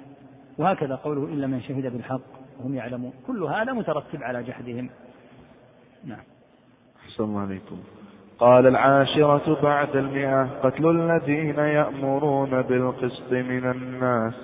قتل الذين يأمرون بالقسط بالحق بالمعروف. هو صنيع أهل الجاهلية وهو من أعظم الإجرام. لأن من يأمر بالقسط آمر بالحق. قد أمر بما أمر الله تعالى به. فينبغي أن يكرم وأن يشجع على ما هو فيه وأن يعان. فأما قتله فلا يقدم عليه إلا أهل الجاهلية وأهل الظلم والتعدي والفحش الشديد في الظلم أيضا. القتل يكون لأهل الجنايات الكبار العظام فكيف يجعل هذا القتل للداعي إلى الحق المبين لما أمر الله عز وجل به؟ من جرائم بني إسرائيل قتلهم من أمروا بالقسط ممن دعوهم إلى الله عز وجل. ذكر الله تعالى ذلك في قبائحهم وجرائمهم ولم يقتصر إجرامهم على ذلك بل كما تقدم قتلوا حتى الأنبياء. ذكر الله تعالى قتلهم الأنبياء وقتلهم الآمرين بالقسط في قوله إن الذين يكفرون بآيات الله ويقتلون النبيين بغير حق ويقتلون الذين يأمرون بالقسط من الناس فبشرهم بعذاب أليم. ذكر الله تعالى هذه الجريمة جريمة قتل الآمرين بالقسط مقرونة بقتل النبيين كما ترى وبالكفر بآيات الله. ذكر ابن كثير رحمه الله تعالى في معنى الآية ما موجزه أن هذا غاية الكبر. قتلهم للآمرين بالقسط غاية الكبر منهم. واستدل عليه بقوله صلى الله عليه وسلم الكبر بطر الحق وغمط الناس. بطر الحق أي رده. وغمط الناس واحتقارهم. لما تكبروا عن الحق واستكبروا على الخلق قابلهم الله تعالى على ذلك بالذلة والصغار في الدنيا والعذاب المهين في الآخرة. هذا موجز كلامه رحمه الله تعالى. وهذه الخصلة الخبيثة في قتل من يأمرون بالقسط من الناس لا تزال في أهل الجاهلية. وقد قتلت أنظمة الظلم والتعدي كثيرا من الدعاة إلى الله عز وجل. وفي فترة مضت بعد حقبة الاحتلال الخبيث المسمى بالاستعمار وهو الاحتلال الصليبي من قبل الفرنسيين والبريطانيين والأسبان والإيطاليين وغيرهم لبلاد الإسلام جاءت عدد من الأنظمة كثير منها اتخذ الطابع العسكري العنيف. فقتلت عددا كبيرا من الدعاة إلى الله عز وجل. كما فعل البعثيون في العراق وفي سوريا وكما فعل أضرابهم ممن قادوا ما سمي بالثورات في الأنظمة التي قلبت الحكم بين فترة وأخرى وقتلت الناس وكان ممن خصتهم بالقتل والتعدي الدعاة إلى الله عز وجل. وهكذا أنظمة اتخذت النزعة الاشتراكية سواء في بلاد المسلمين أو في البلاد خارج بلاد المسلمين. خصت الدعاة إلى الله عز وجل الآمرين بالقسط خصتهم بمزيد من العقوبات وتتبعتهم وقتلتهم حتى أخلت منهم بعض البلدان. بعض البلدان يكاد يخلو منها دعاة الحق بسبب تتبع هؤلاء المجرمين لمن يدعو إلى الله عز وجل ولا سيما إذا كان من الدعاة إلى السنة. وهكذا أنظمة الروافض فالرافضة بعد ثورتهم الخبيثة في إيران قتلوا في إيران من الذين يدعون إلى الله تعالى وعلى السنة عددا غفيرا جدا من الناس. وهكذا لما استولوا على العراق وهكذا ما يفعلونه في سوريا وفي غيرها عدد من المنظمات الإجرامية المفسدة التابعة لهذه الدول أو لغيرها ممن يتشكل ويتخذ طابع الاغتيال طابعا يصفي به الدعاة إلى الله عز وجل كل هؤلاء من أهل الجاهلية. وقد أضروا بالأمة ضررا بالغا. وفي الوقت نفسه فتحوا الباب على مصراعيه لدعاة الشرك والخرافة. لهذا اشتدت الغربة في هذا الزمن لأمور كثيرة كان من ضمنها أن خبى العلم الشرعي وخبت السنة. وتتبعت من قبل هذه الأنظمة الخبيثة التي ورثت هذه هذا الإرث الجاهلي. فحري بالدعاة إلى الله عز وجل أن يتعاونوا. واليوم ولله الفضل والمنة. صار الإنسان يدعو وبينه وبين من يدعوهم أميال كثيرة. وعجزت هذه الأنظمة المجرمة عن أن تحول بين الدعاة إلى الله وبين الوصول إلى الناس. هذه الأدوات استخدمها أهل الخير وأهل الشر. فكما أن أهل الباطل والفساد وصلوا إلى إفساد كثير من المسلمين من خلال هذه الطرق في الشبكة وفي الوسائل المتاحة الآن التي صارت تصل إلى الناس بسهولة. فينبغي على الدعاة إلى الله أن يستثمروا مثل هذا وأن يحرصوا على أن يبثوا دعوتهم إلى الله تعالى لأنها بحمد الله دعوة لا تحتاج إلى كبير دعم قوتها فيها. وهذا مما أقر به حتى أعداء الله من المنصرين والمستشرقين والملاحدة أن قوة الإسلام فيه. فيحتاج إلى من يحمله ويهتم به ويكون ذا همة بالغة ويعطي جهدا لله عز وجل في مثل هذا. فإذا ائتلف أهل الحق أوصلوا دعوتهم إلى أماكن بعيدة قد يخبر عليهم دخولها أصلا. فيقال ابقوا على ما أنتم عليه وندعو إلى الله عز وجل في وسط بلدانكم رغم أنوفكم. كما أن أهل الباطل يدعون إلى باطلهم في بلاد المسلمين ويصلون إلى شبابهم وفتيانهم وفتياتهم. فينبغي أن يكون عند أهل الحق والدعوة إلى الله عز وجل همة عالية. وأن ينشروا الدعوة إلى الله فإن الله تعالى فتح لهم هذا المجال وإذا أخلي وضعفوا عنه استغله غيرهم. ولهذا كما أنه يحدث من مثل هذه الأجهزة آثار سلبية كثيرة جدا على المسلمين فبحمد الله حدث من الاستفادة منها من قبل من استعملها في طاعة الله. حدث شيء عظيم جدا من إسلام أناس كثيرين لم ترهم ولم يروك وتسنن أناس من الروافض ومن المشركين والمخرفين لم ترهم ولم يروك.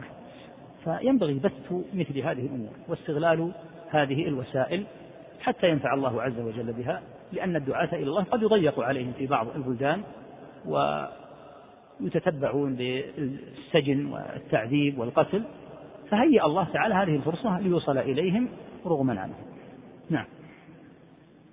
الله عليكم. قال. قال الحادية قال الحادية عشر بعد المئة الإيمان بالجبت والطاغوت. الجبت فسر بالسحر. فسر الجبت بالسحر وفسر بالشيطان. وذكر شيخنا الشيخ بن باز رحمه الله تعالى في تعليقه على تفسير ابن كثير أن الجبت تطلقه العرب على الشيء الذي لا خير فيه فيطلق على الصنم وعلى السحر وسائر ما لا خير فيه. ولهذا جاء في الحديث العيافة والطرق والطيرة من الجبت. هذا معنى الجبت. الطاغوت مشتق من الطغيان. وهو ما تجاوز به العبد حده من معبود أو متبوع أو مطاع. وذكر ابن القيم رحمه الله تعالى أن الطواغيت كثير ورؤوسهم خمسة وذكرهم رحمه الله تعالى. الطاغوت هو الشيء الذي فيه التجاوز وطغيان يطلق في القرآن على المعبود من دون الله إذا كان راضيا. قال عز وجل فمن يكفر بالطاغوت ويؤمن بالله فقد استمسك بالعروة الوثقى. المراد بالطاغوت هنا المعبود من دون الله إذا كان راضيا. ويطلق الطاغوت أيضا في كتاب الله عز وجل على تحكيم غير الشرع. ألم تر إلى الذين يزعمون أنهم آمنوا بما أنزل إليك وما أنزل من قبلك يريدون أن يتحاكموا إلى الطاغوت.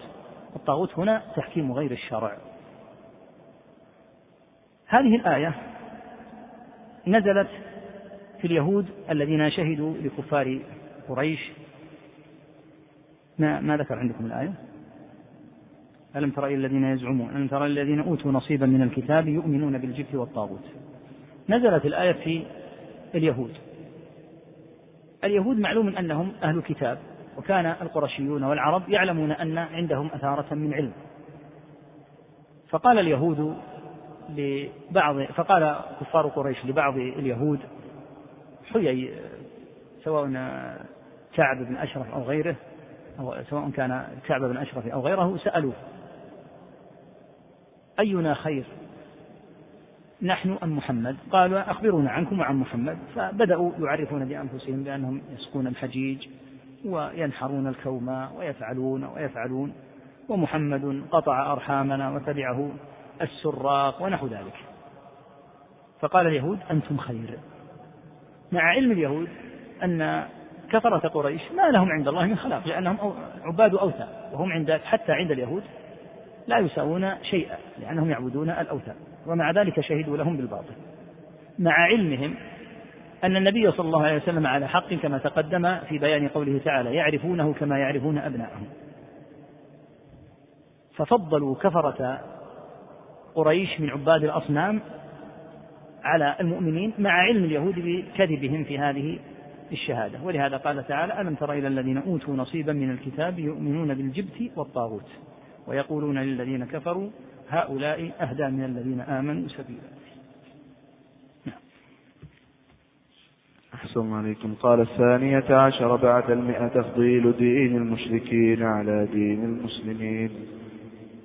كما في المسألة المتقدمة فضل اليهود دين هؤلاء الوثنيين على دين الحق وتكلمنا عنها وعن الآية ما المراد بها؟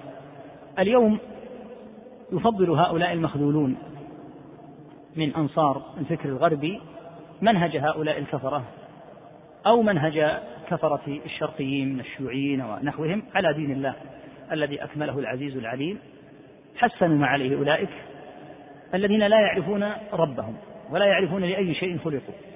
ولا إلى أي شيء يكونون بعد أن يموتوا. حسنوا ما عليه هؤلاء وبثوا لهم دعاية خبيثة في الأمة وخدموا تلك المبادئ الكفرية وقالوا إنها هي متناسبة مع القرون المتأخرة مع القرن العشرين القرن الحادي والعشرين وزعموا أن الإسلام غير مناسب لهذه الأعصار. ولهذا خدموا الفكر الاشتراكي وطبلوا له فترة إلى أن سقط وصار في المزابل واليوم يطبل للديمقراطية على ما فيها من الشر والسم الزعاف الذي لا يدريه كثير من من يحسنونها. وكما تمدح الديمقراطية اليوم فقد مدحت بالضبط الاشتراكية قبل ذلك. وكما كان لها أنصار فلها اليوم أنصار. وهي في غاية الخطورة على الأمة وهناك كلمة سبق أن ألقيناها متعلقة بحكم الإسلام الديمقراطية في ميزان الإسلام كتبت وأيضا محاضرة أخرى. لا يشك أن الديمقراطية لا يمكن أن تنشأ إلا مع العلمانية. ولهذا من عجيب الأمر كما نبهنا أن أناسا يمدحون الديمقراطية وهي يلعنون العلمانية ولا يدرون أن الديمقراطية عند أهلها لا يمكن أن تنشأ إلا في جو علماني. ولهذا يقولون إنه لا بد من علمنة العقول والمؤسسات حتى ينشأ الوضع الديمقراطي. ولهم كتابات في هذا كثيرة جدا نقلنا بعضا منها. فالفكر الديمقراطي الآن الذي يروج له ويفضل على دين الله الذي تطبق فيه الحدود ويقام فيه الشرع ولا يساوى فيه بين المسلم والكافر. لا يستوون لا في الدنيا ولا في الآخرة. في الديمقراطية وهذه الأوضاع الجميع مستوي. في الديمقراطية المعول والعبرة على ما يقوله الشعب والأكثرية. ولهذا قالوا هذه الكلمة الخبيثة وهي خطرة للغاية. الأمة مصدر السلطات. السلطات ثلاث كما قلنا. السلطة التشريعية السلطة التنفيذية والسلطة القضائية. إذا قيل إن الأمة مصدر السلطات فمعنى ذلك أن للأمة أن تشرع. وإذا رأت تشريعا غير الإسلام فلها ذلك. لأنها هي مصدر السلطات وإن أرادت الإسلام أيضا فلها ذلك. لكن إذا قررت يوما ما أن تقصي الإسلام فهي المصدر مصدر السلطات وليس التشريع عند الله وإنما عند الشعب. فكرة عفنة قديمة جدا عند اليونان حاصلها في اللغة اليونانية معناها حكم الشعب. مكونة من كلمتين ديموس كراتيك. حكم الشعب. تطبيقها قديم جدا عند اليونان. وفشلت فشلا ذريعا واستقبحها حتى اليونان. حسن وجهها اليوم كما حسن وجه الاشتراكية في السابق وصار ينادى بها ويدعى بها في بلاد المسلمين مع أن أكثر من ثلاثين في المئة في إحصائيات مضبوطة من كتاب الغرب ضد الديمقراطية ليس حبا للإسلام لأنه ليس المسلمين لكن لأنها فشلت في مهدها ولكن فشل المبادئ قد لا يتبدى ويظهر إلا على مدار سنين.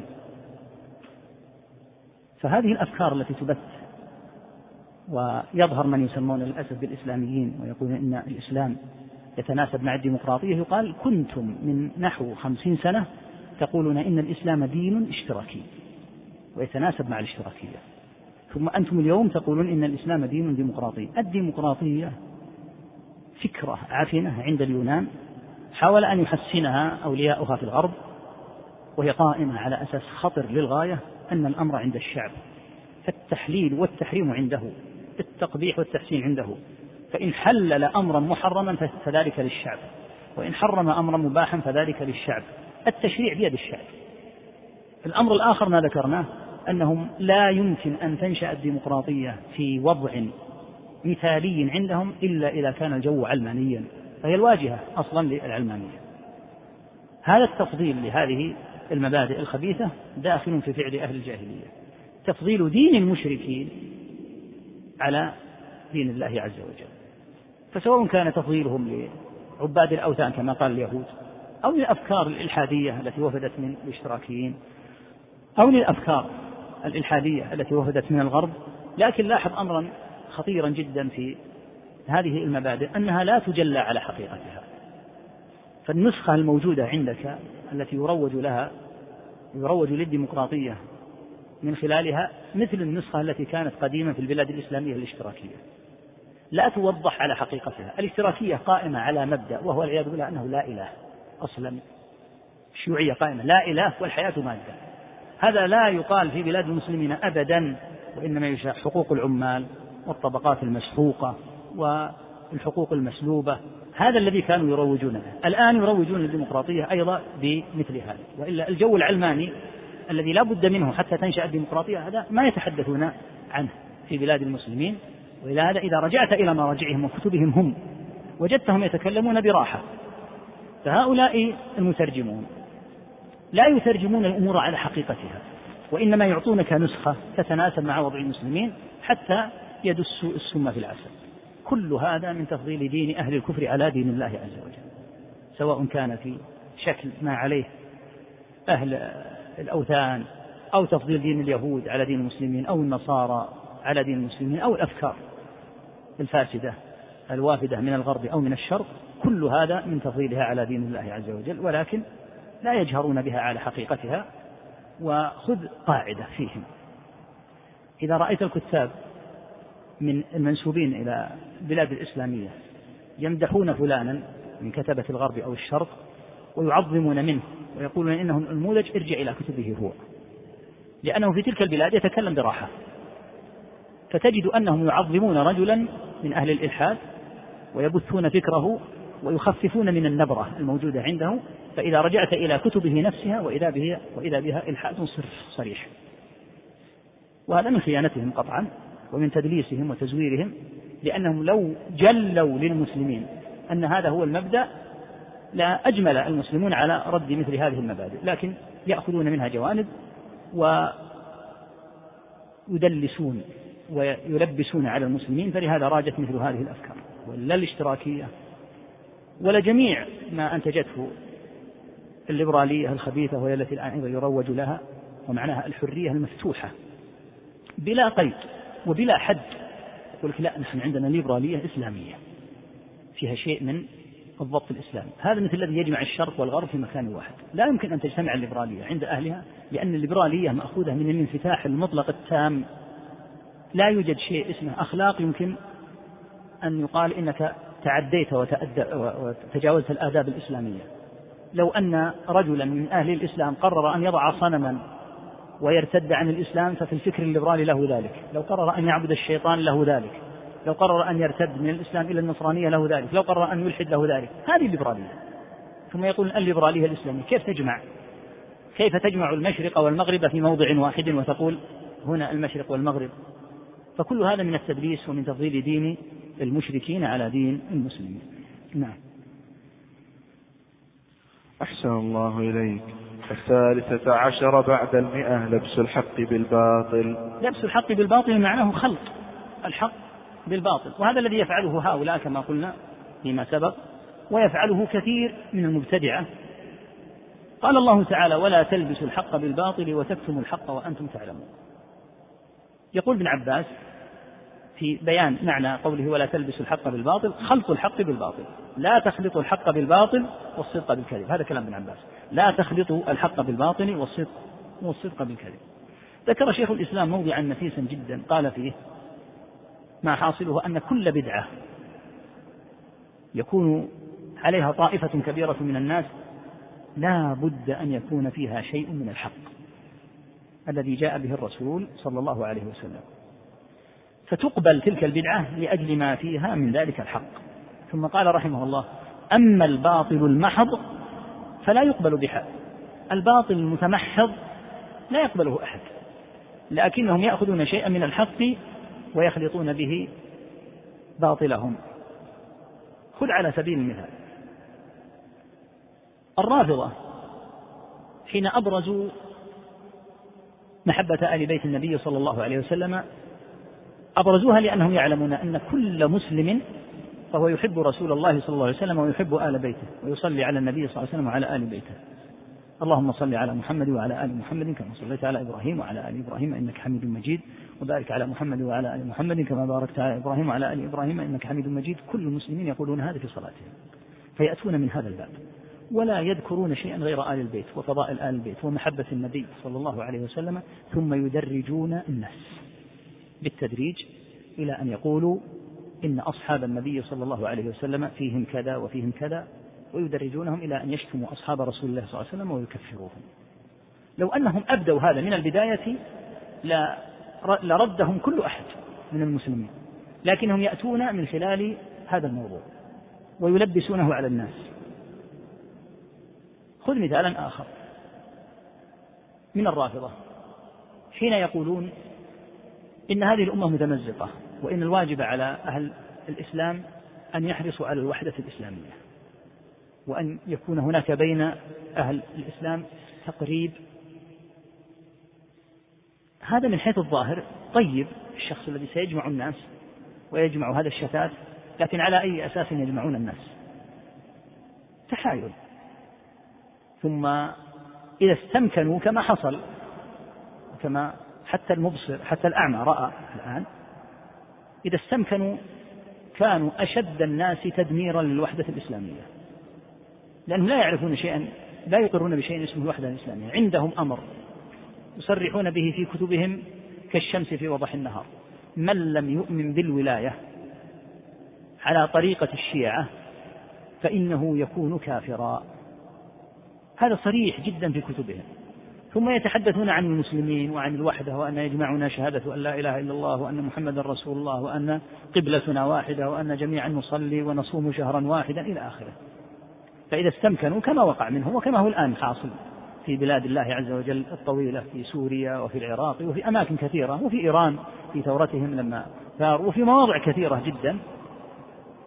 أشد من يدمر وحدة المسلمين هم. لماذا أبرزوا موضوع وحدة المسلمين؟ ليلبسوا الحق بالباطل. خذ مثالا ثالثا.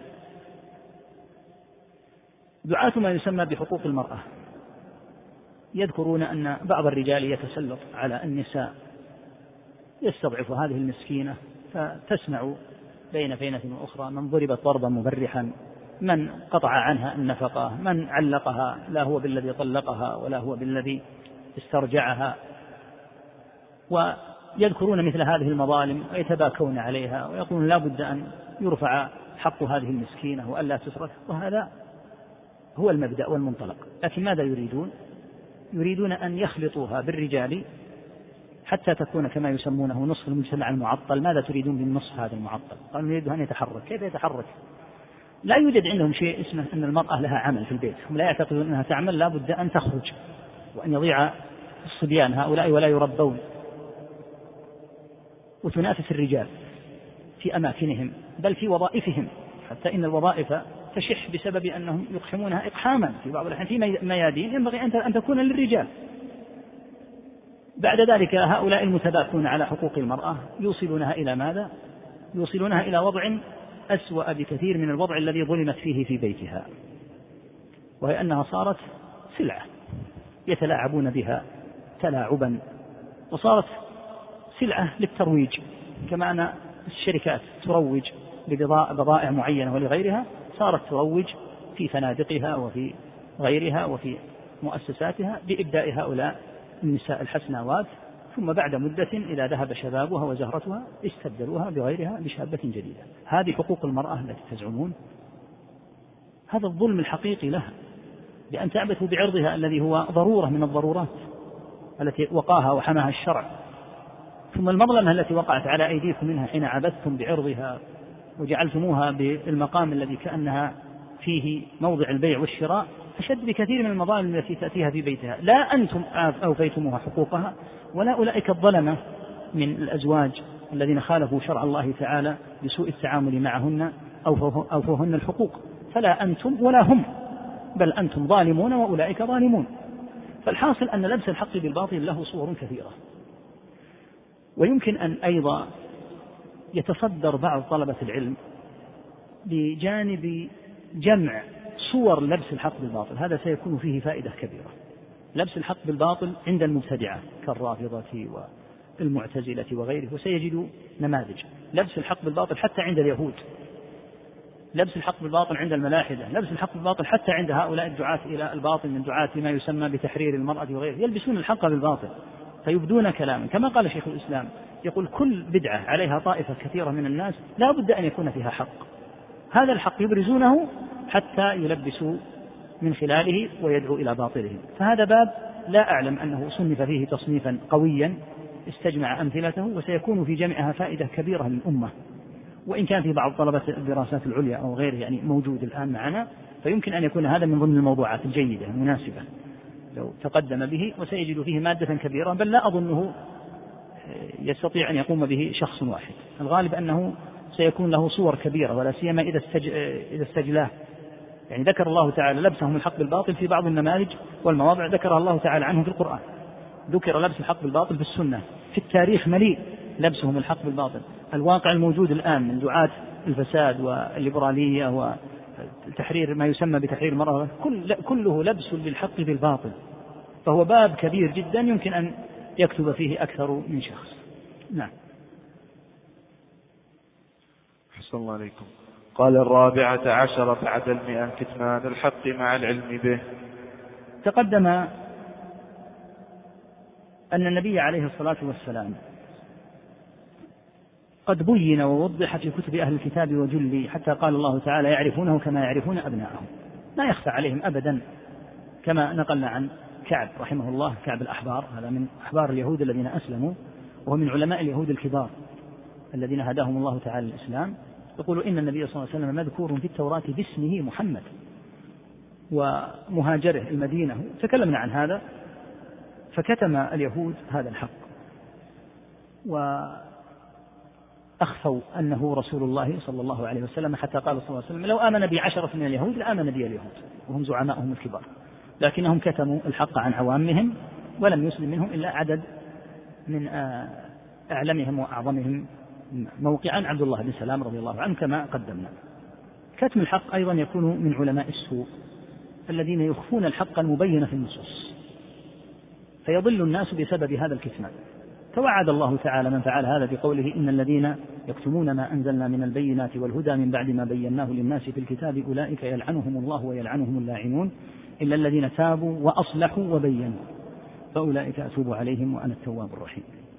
قال ابن كثير رحمه الله هذا وعيد شديد لمن كتم ما جاءت به الرسل صلى الله عليه وسلم من الدلالات البينة على المقاصد الصحيحة والهدى النافع للقلوب من بعد ما بينه الله لعباده في كتبه التي أنزلها.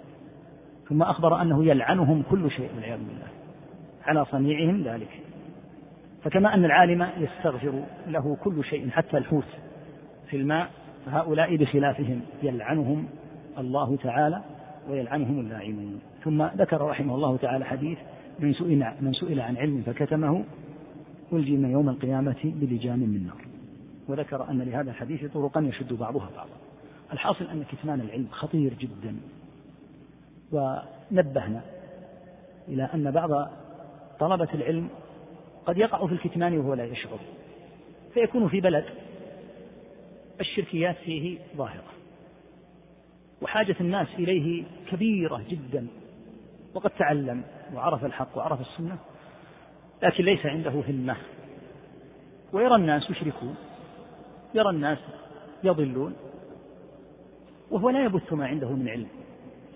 لا شك أن هذا قد أثم وقد وقع في الكتمان لأن الواجب عليه أن يذكر من العلم المبين الذي آتاه الله تعالى ما يصلح الله تعالى به من هذه الأحوال والأمر كما قال تعالى لست عليهم كما قال تعالى لست عليهم من هو ليس مسؤولا عن أن يهديهم لكن لا بد أن يبث العلم.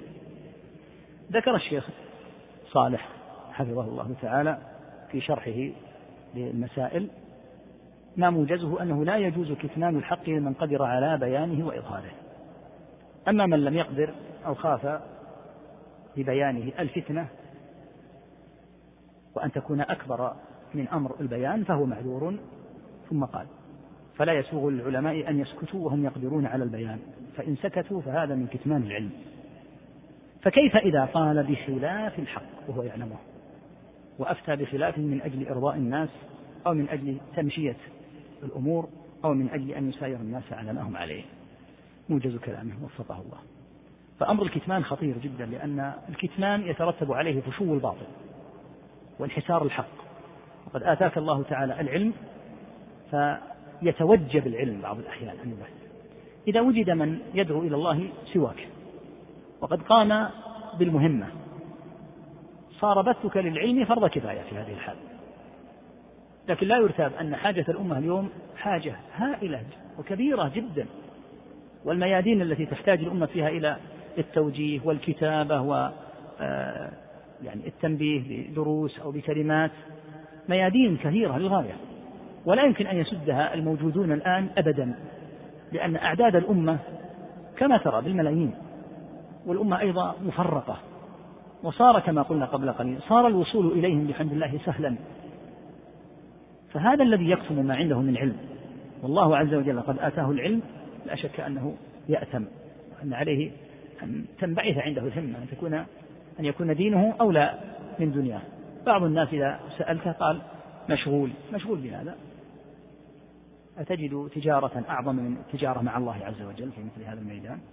ثم تستطيع أن تجعل لشغلك وقتا وللدعوة إلى الله تعالى وقتا. الحاصل أن كتمان العلم خطر للغاية ولا سيما عند شدة الحاجة إليه. أو عند السؤال. إذا سئل وكتم فكما في الحديث ألجم بلجام من النار. فينبغي أن تنبعث الهمم لنشر الحق ونشر السنة. ولا نكن يا أخوة. لا نكن أقل في هممنا من أعداء الله وأهل الفساد. انظر إلى بعض المفسدين. كيف يواصلون الليل بالنهار في بث الفساد والشر.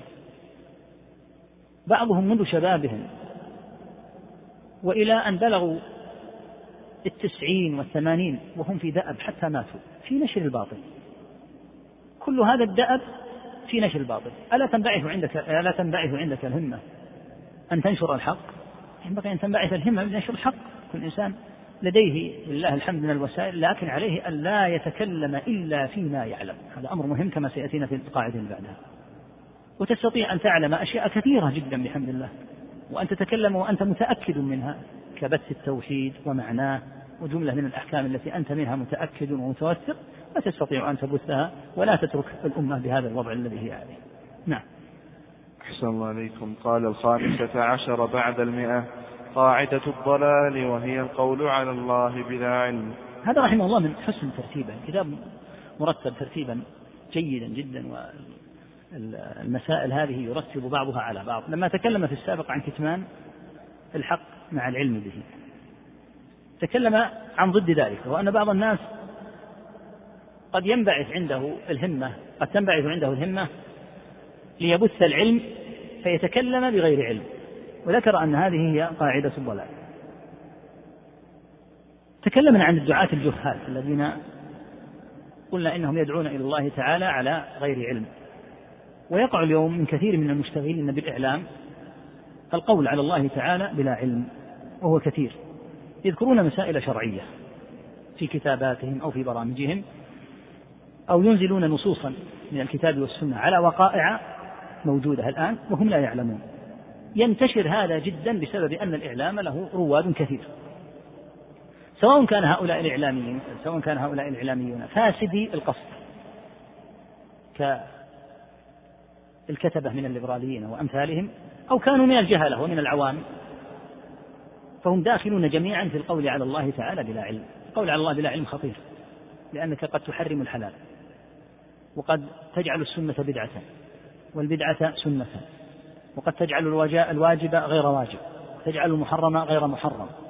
فلا شك في خطورة القول على الله تعالى بغير علم وطالب العلم يجعل الورع قريبا منه. وإذا لم تتضح له المسألة يقول لا أدري لست مكلفا أن تفتي وأن تجيب على كل شيء. ولك أيضا أن تسأل غيرك أو توجهه إلى من هو أعلم منك. لكن لا تسارع إلى ما لا تعلم قف كما قيل إن ومن كان يهوى أن يرى أن يرى متصدرا ويكره لا أدري أصيبت مقاتله. بعض الناس يكره أن يقول لا أدري. يقول لا أدري قل الله أعلم قل سأل عن هذا غيري أو قل أنا أسأل لك أو أبحث لك. لا تستعجل في الإجابة.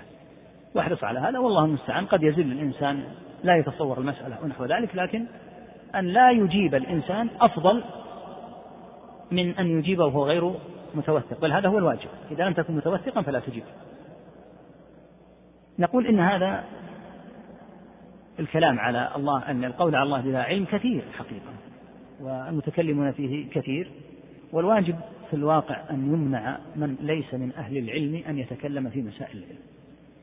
كما أنه لا يحق لأحد أن يفتح عيادة طبية ويعالج الناس وهو ليس بطبيب ويحاسب على هذا ويعاقب ويستحق لأنه يهلك أبدان الناس فهذا الذي يتكلم في مسائل العلم وهو ليس من أهله يهلك دين دين الناس وهو أعظم وأعز. فالواجب أن يمنعوا ويحظر على من ليس من أهل العلم أن يتكلم في غير مسائل في, في مسائل العلم. يا من ليس لك هذا التخصص مجالا ولم تتعلم العلم الشرعي لا تتكلم وليس لك ذلك. وينبغي أن يعاقب هؤلاء وأن يكون هناك زواجر تردعهم عن أن يتكلموا. تكلم فيما تعلم.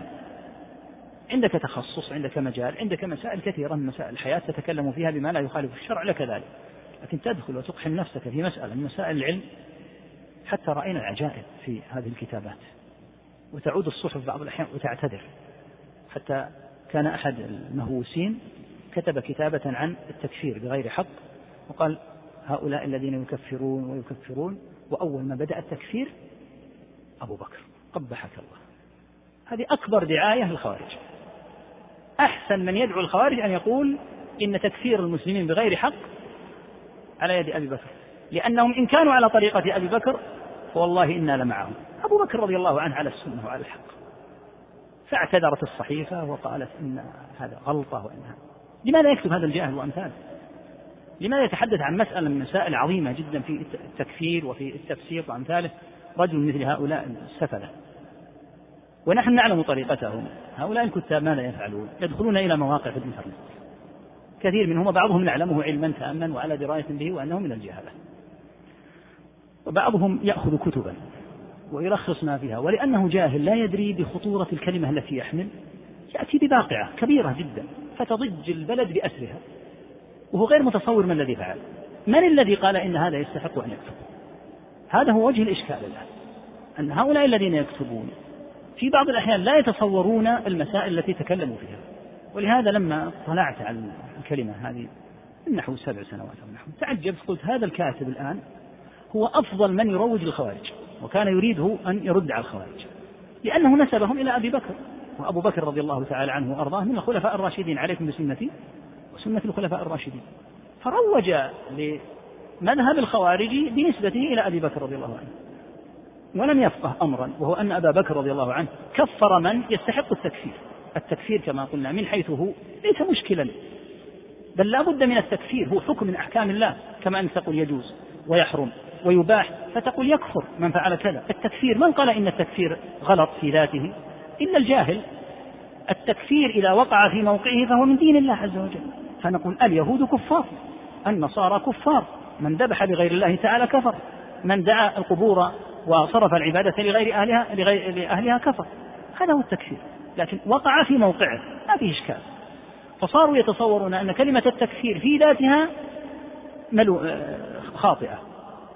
فيرجعون إلى كتب بعض الليبراليين وأمثالهم فوجد أن أول بذرة للتكفير نشأت في حروب الردة وأن أبا بكر كفر خصومه الذي يقول هذا ليبرالي أو غيره. جاء هذا الكاتب الجهول وكتب تقريرا وقال إن أبا بكر هو أول من كفر. يعني يأخذونها من هذه الكتب وهو غير متصور. تعود الصحيفة وتعتذر وأن من من يمكن هذا الكتابة في مثل هذه المسائل العظام؟ يترتب عليها إخراج من الملة يتكلم فيها جاهل. فالحاصل أن هؤلاء يتكلمون بغير علم في أحيان كثيرة. ويرتج البلاد الإسلامية كلها لبعض الكتابات لأن هؤلاء يكتبون فيما لا يعلمون. الواجب أن يحال بينهم وبين مثل هذه الكتابات الدالة على ما عندهم من الجهل. العظيم. قد قلنا إن بعضهم لو أوقف وقيل له اقرأ القرآن وافتح على السور لا نريدك أن تحفظ حفظا اقرأ قراءة صحيحة فقط ولا نريدك أن تعطينا الدليل ولا التفسير للآية اقرأ قراءة صحيحة ما يستطيع أن يقرأ. فضلا عن أن يحفظ. فهم ليسوا من ذوي العلم ومع ذلك يتكلمون في مسائل العلم ويتشدقون ويتحدثون عن أنواع أهل العلم وأن هذا منزعه كذا وهذا منزعه كذا. والصواب في مقولة الشافعية والحنابلة من أنت حتى تتحدث؟ إذا قيل هذا عندنا غير جائز فمن, انت فمن أنتم حتى يقال لكم عنده من أنت حتى تقول عندي؟ جهال فالحاصل أن القول على الله بغير علم خطير للغاية. والواقعون فيه كثر. بعضهم ذو نية صالحة من هؤلاء الدعاة الذين قلنا إنهم انخرطوا في ميدان الدعوة قبل التعلم وبعضهم من هؤلاء الكتاب الذين إن أحسن بهم الظن فهم من عوام المسلمين الجهال وبعضهم من هؤلاء الليبراليين المفسدين الذين يلبسون الحق بالباطل فالواجب أن يصان العلم. كما يصان الطب بل العلم أعظم وأجل العلم الشرعي. حتى لا يضلل الناس ويزيغ الناس بسبب أن هذا الذي نشر هذه الكلمة وهذه الكتابة انتشرت في أوساط الناس. والناس إذا انتشر فيهم الباطل بالتدريج بالتدريج هذه كتابة وهذه كلمة يتراكم هذا الأمر ويكون واقعا. القول على الله بغير علم قول خطير للغاية وقد ذكره الله تعالى في المحرمات قل إنما حرم ربي الفواحش ما ظهر منها وما بطن والإثم والبغي بغير الحق وأن تشركوا بالله ما لم ينزل ما لم ينزل به سلطانا وأن تقولوا على الله ما لا تعلمون. فذكره بعد أن ذكر الشرك. الأمر في غاية الخطورة أن يتحدث بغير علم سواء من قبل هؤلاء أو من أولئك سواء كانت نيتهم صالحة أو غير صالحة العلم لا ينبغي أن يكون كلأ مباحا لمثل هؤلاء. نعم. الله عليكم السادسة عشر بعد المئة. التناقض الواضح لما كذبوا الحق كما قال تعالى بل بالحق لما جاءهم فهم في أمر مريج. تقدم أن من ترك الحق ابتلي بضده. من ترك الحق وقع في الباطل. من ترك السنة وقع في البدعة. من ترك الالتزام بالشرع وقع في الفسق والفجور. هم متناقضون. لأن المكذب بالحق يكون عنده أباطيل. والأباطيل من شأنها أنها مضطربة متناقضة. قال الله تعالى ولو كان من عند غير الله لوجدوا فيه اختلافا كثيرا. هذه الأباطيل من عند غير الله فيكون فيها شيء كثير من الاضطراب والتناقض. هذا التناقض ذكره الله تعالى عنهم في قوله بل كذبوا بالحق لما جاءهم فهم في أمر مريج. تناقض أهل الكفر أيضا من المجالات التي يمكن أن يكتب فيها أهل الكفر وأهل البدع وأهل الضلال. مجال واسع وإن كان قد كتب فيه لكنه أوسع من أن يحاط به في كتابه. تناقضهم عجيب جدا. يقرر في كتاب شيئا وينقضه في كتاب آخر. قال شيخ الإسلام ويقرر شيئا في الكتاب وينقضه لاحقا على نفسه. فتناقضهم شديد جدا وواسع سواء كانوا من اليهود أو النصارى. أو من الروافض أو من الصوفية أو من المتكلمين من المعتزلة والجهمية والأشعرية وأضرابهم. تناقض عجيب جدا. إذا وقفت على كتبهم تعجبت. فهذا الميدان يمكن أيضا أن يكتب فيه. هذا التناقض بينهم ناشئ عن كونهم يقبلون الباطل. كما قال تعالى بل كذبوا بالحق لما جاءهم فهم في أمر مريج. ما معنى قوله تعالى بل كذبوا بالحق لما جاءهم فهم في أمر مريج؟ يقول ابن كثير رحمه الله أي هذا حال كل من خرج عن الحق. مهما قال بعد ذلك فهو باطل. والمريج المختلف المضطرب الملتبس المنكر. كقوله تعالى إنكم لفي قول مختلف يؤفك عنه من أفك. فهذا حال الخارجين عن السنة إلى البدعة ومن الحق إلى الباطل ومن الإسلام إلى الكفر يتناقضون دائما. وهذا التناقض يؤدي بهم إلى شيء عظيم من الحيرة. وهذا موجود في كتبهم و يعني طبقاتهم. ذكر منه شيخ الإسلام شيئا كثيرا عن فخول كبار أنهم يتناقضون في آخر أمرهم ويصابون بالحيرة. وربما سجلوا هذا في كتاباتهم كما نقلناه من كلام الرازي وأمثاله حين قال في آخر كتاب صنفه أنواع اللذات لقد تأملت الطرق الكلامية والمذاهب الفلسفية فما وجدتها تشفي عليلا ولا تروي غليلا ورأيت أقرب الطرق طريقة القرآن. سبحان الله العظيم. في آخر كتاب رأيت أقرب الطرق طريقة القرآن وهل يمكن أن يكون هناك طريقة أقرب من طريقة القرآن؟ لكنهم هاموا وسبحوا في الفلسفة وفي مثل هذه الأمور ثم رجعوا وقالوا وجدنا أقرب الطرق طريقة القرآن. ثم قال أقرأ في الإثبات الرحمن على العرش استوى إليه يصعد الكلم الطيب وأقرأ في النفي ليس كمثله شيء. يعني يجمع بين النفي والإثبات. قال ومن جرب مثل تجربتي عرف مثل معرفتي لأنهم فحول النظار الكبار.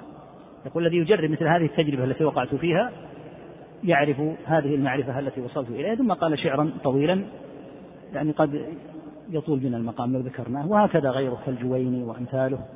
حين قال يا إخواننا لا تشتغلوا بالكلام فلو علمت أنه يوصلني إلى ما وصلت إليه ما دخلت فيه. وهكذا مجموعة منهم.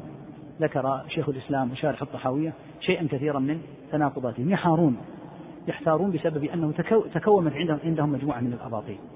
هذا من أباطيل الفلاسفة هذه من أباطيل المعتزلة هذه من أباطيل الجهمية هذه من أباطيل المرجئة. فتجمعت عنده هذه الأباطيل فصار عنده هذا الاضطراب.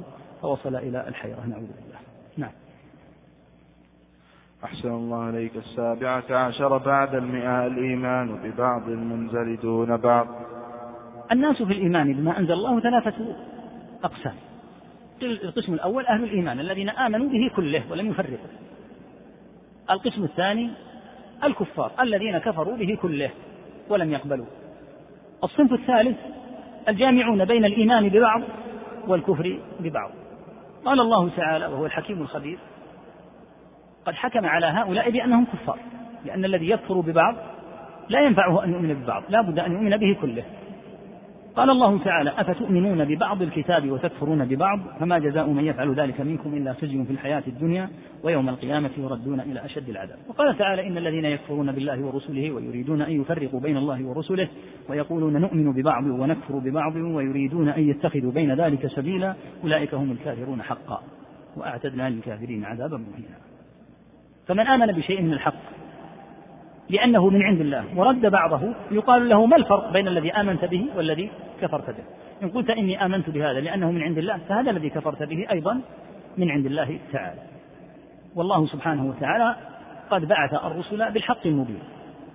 فالإيمان ببعض المنزل والكفر ببعض المنزل هذه من صفات أهل الجاهلية. يتشهون يؤمنون بهذا ويردون نظيره.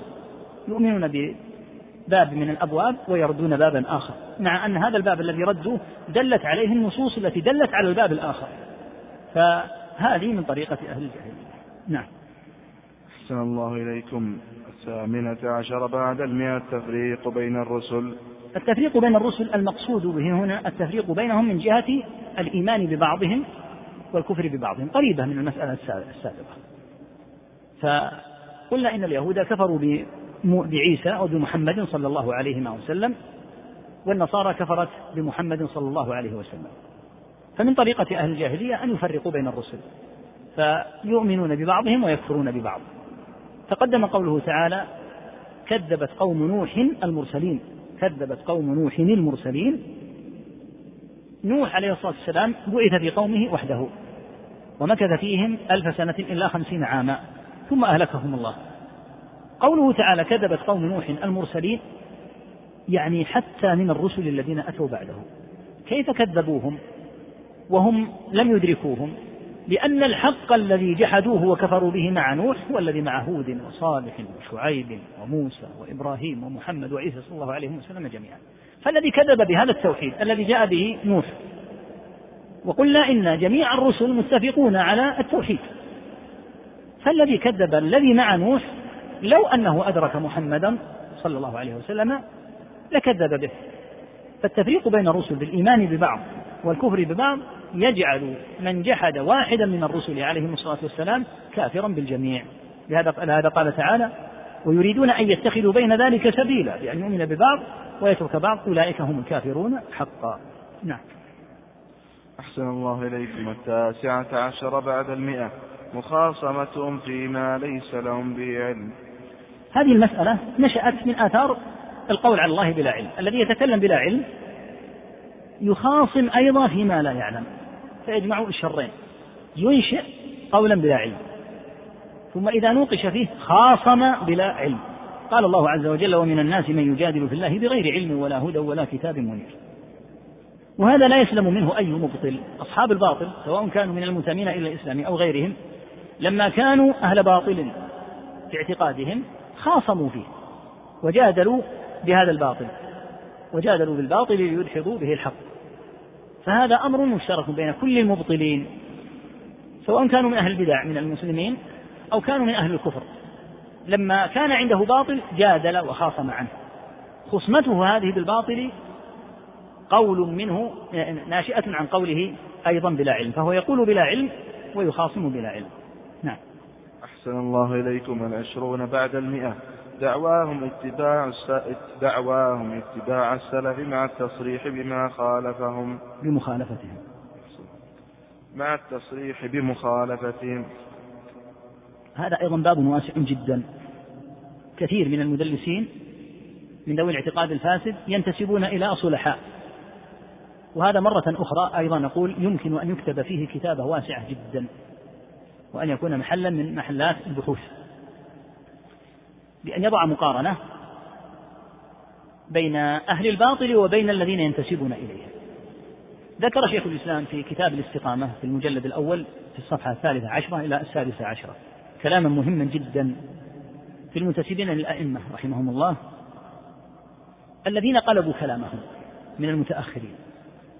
فجعلوا كلام الشافعي وأحمد ومالك رحمهم الله جعلوا كلامهم في الحث على السنة جعلوه يراد بهم عقيدة هؤلاء المتأخرين وجعلوا كلام هؤلاء الأئمة في ذم البدعة جعلوها مرادا بها اعتقاد السلف فعكسوا وصاروا يستدلون على باطلهم يقولون إن إن الباطل الذي هم عليه يقول هذا هو السنة وقد قال الأئمة كذا في نصرة السنة ومدح السنة. مع أن الذي هم عليه هو الباطل وضرب أمثلة لهذا في المتأخرين من الحنابلة والمالكية والشافعية. وقال انظر كيف الإمام أحمد وكيف الإمام مالك وكيف الإمام الشافعي في هذه المسائل. وانظر إلى هؤلاء المتأخرين ممن انتسبوا لهم وصاروا على خلاف ما عليه هؤلاء الأئمة في كلام ماتع ونافع جدا. وهذه مسألة كما قلنا طويلة جدا ويمكن أن يصنف فيها. ومن ذلك على سبيل المثال الخوارج. وخذ نموذجا منهم الإباضية. يدعون أنهم ينتسبون إلى أبي الشعثاء رحمه الله جابر بن زيد وهو من خيار التابعين رحمه الله. مع أنهم يسمون بالإباضية. لماذا لا تكونوا صريحين؟ أنتم أتباع عبد الله بن إباض وعبد الله بن إباض زميل نافع بن الأزرق الخارجي وإن اختصم معه لكنهم جميعا خوارج. لماذا لم تسموا بالجابرية نسبة لجابر؟ وقد تبرأ منهم جابر رحمه الله تعالى كما تجد في ترجمته. قيل له إن هؤلاء الإباضية ينتسبون إليه قال أبرأ إلى الله عز وجل منهم. وقال هذا للحسن رحمه الله لأنه لما مرض تمنى أن يرى الحسن في مرض وفاته فجاءه الحسن قال إن هؤلاء الإباضية ينتمون إليك. قال أبرأ إلى الله منهم. قال ما تقول في أهل النهر؟ يعني الخوارج الأوائل. قال أبرأ إلى الله منهم. فينسبون هذه الاعتقادات الباطلة لأناس أخيار من الصلحاء ومن ذلك الرافضة. الرافضة يسمون مذهبهم الباطل هذا مذهب آل البيت. مع أن آل البيت المضبوط المحرر المحقق عنهم بالأساليب الثابتة اعتقاد أهل السنة قطعا لكنهم ينسبون ما هم فيه من الباطل لآل البيت. والعجيب أن عند أهل السنة وعند الرافضة معا روايات في تبرؤ آل البيت من الشيعة حتى في كتب الشيعة يتبرؤون من الشيعة ثم يقولون مذهبنا مذهب آل البيت. أي انتماء هذا لآل البيت مع أن آل البيت يتبرؤون إلى الله منكم؟ وقس على هذا شيء كثير جدا. كانتماء النصارى للمسيح عليه السلام وتسميتهم أنفسهم بالمسيحيين وهذه تسمية خاطئة. لا يقرون على مثل هذه التسمية. ليسوا من أتباع المسيح بل هم خرجوا على ما جاء به المسيح. يسمونه بالاسم الشرعي الذي سموا به في القرآن النصارى. والنصارى معلوم أنهم قسمان قسم لزم ما عليه موسى ما عليه عيسى من أنصاري إلى الله. قال الحواريون نحن أنصار الله. وقسم خالفوا وخرجوا عما عليه عيسى فتضبط الأسماء الشرعية. أما إذا قيل إنهم هم المسيحيون فكأنك تقرر أنهم على دين المسيح حقا وهو منهم براء عليه الصلاة والسلام. نعم.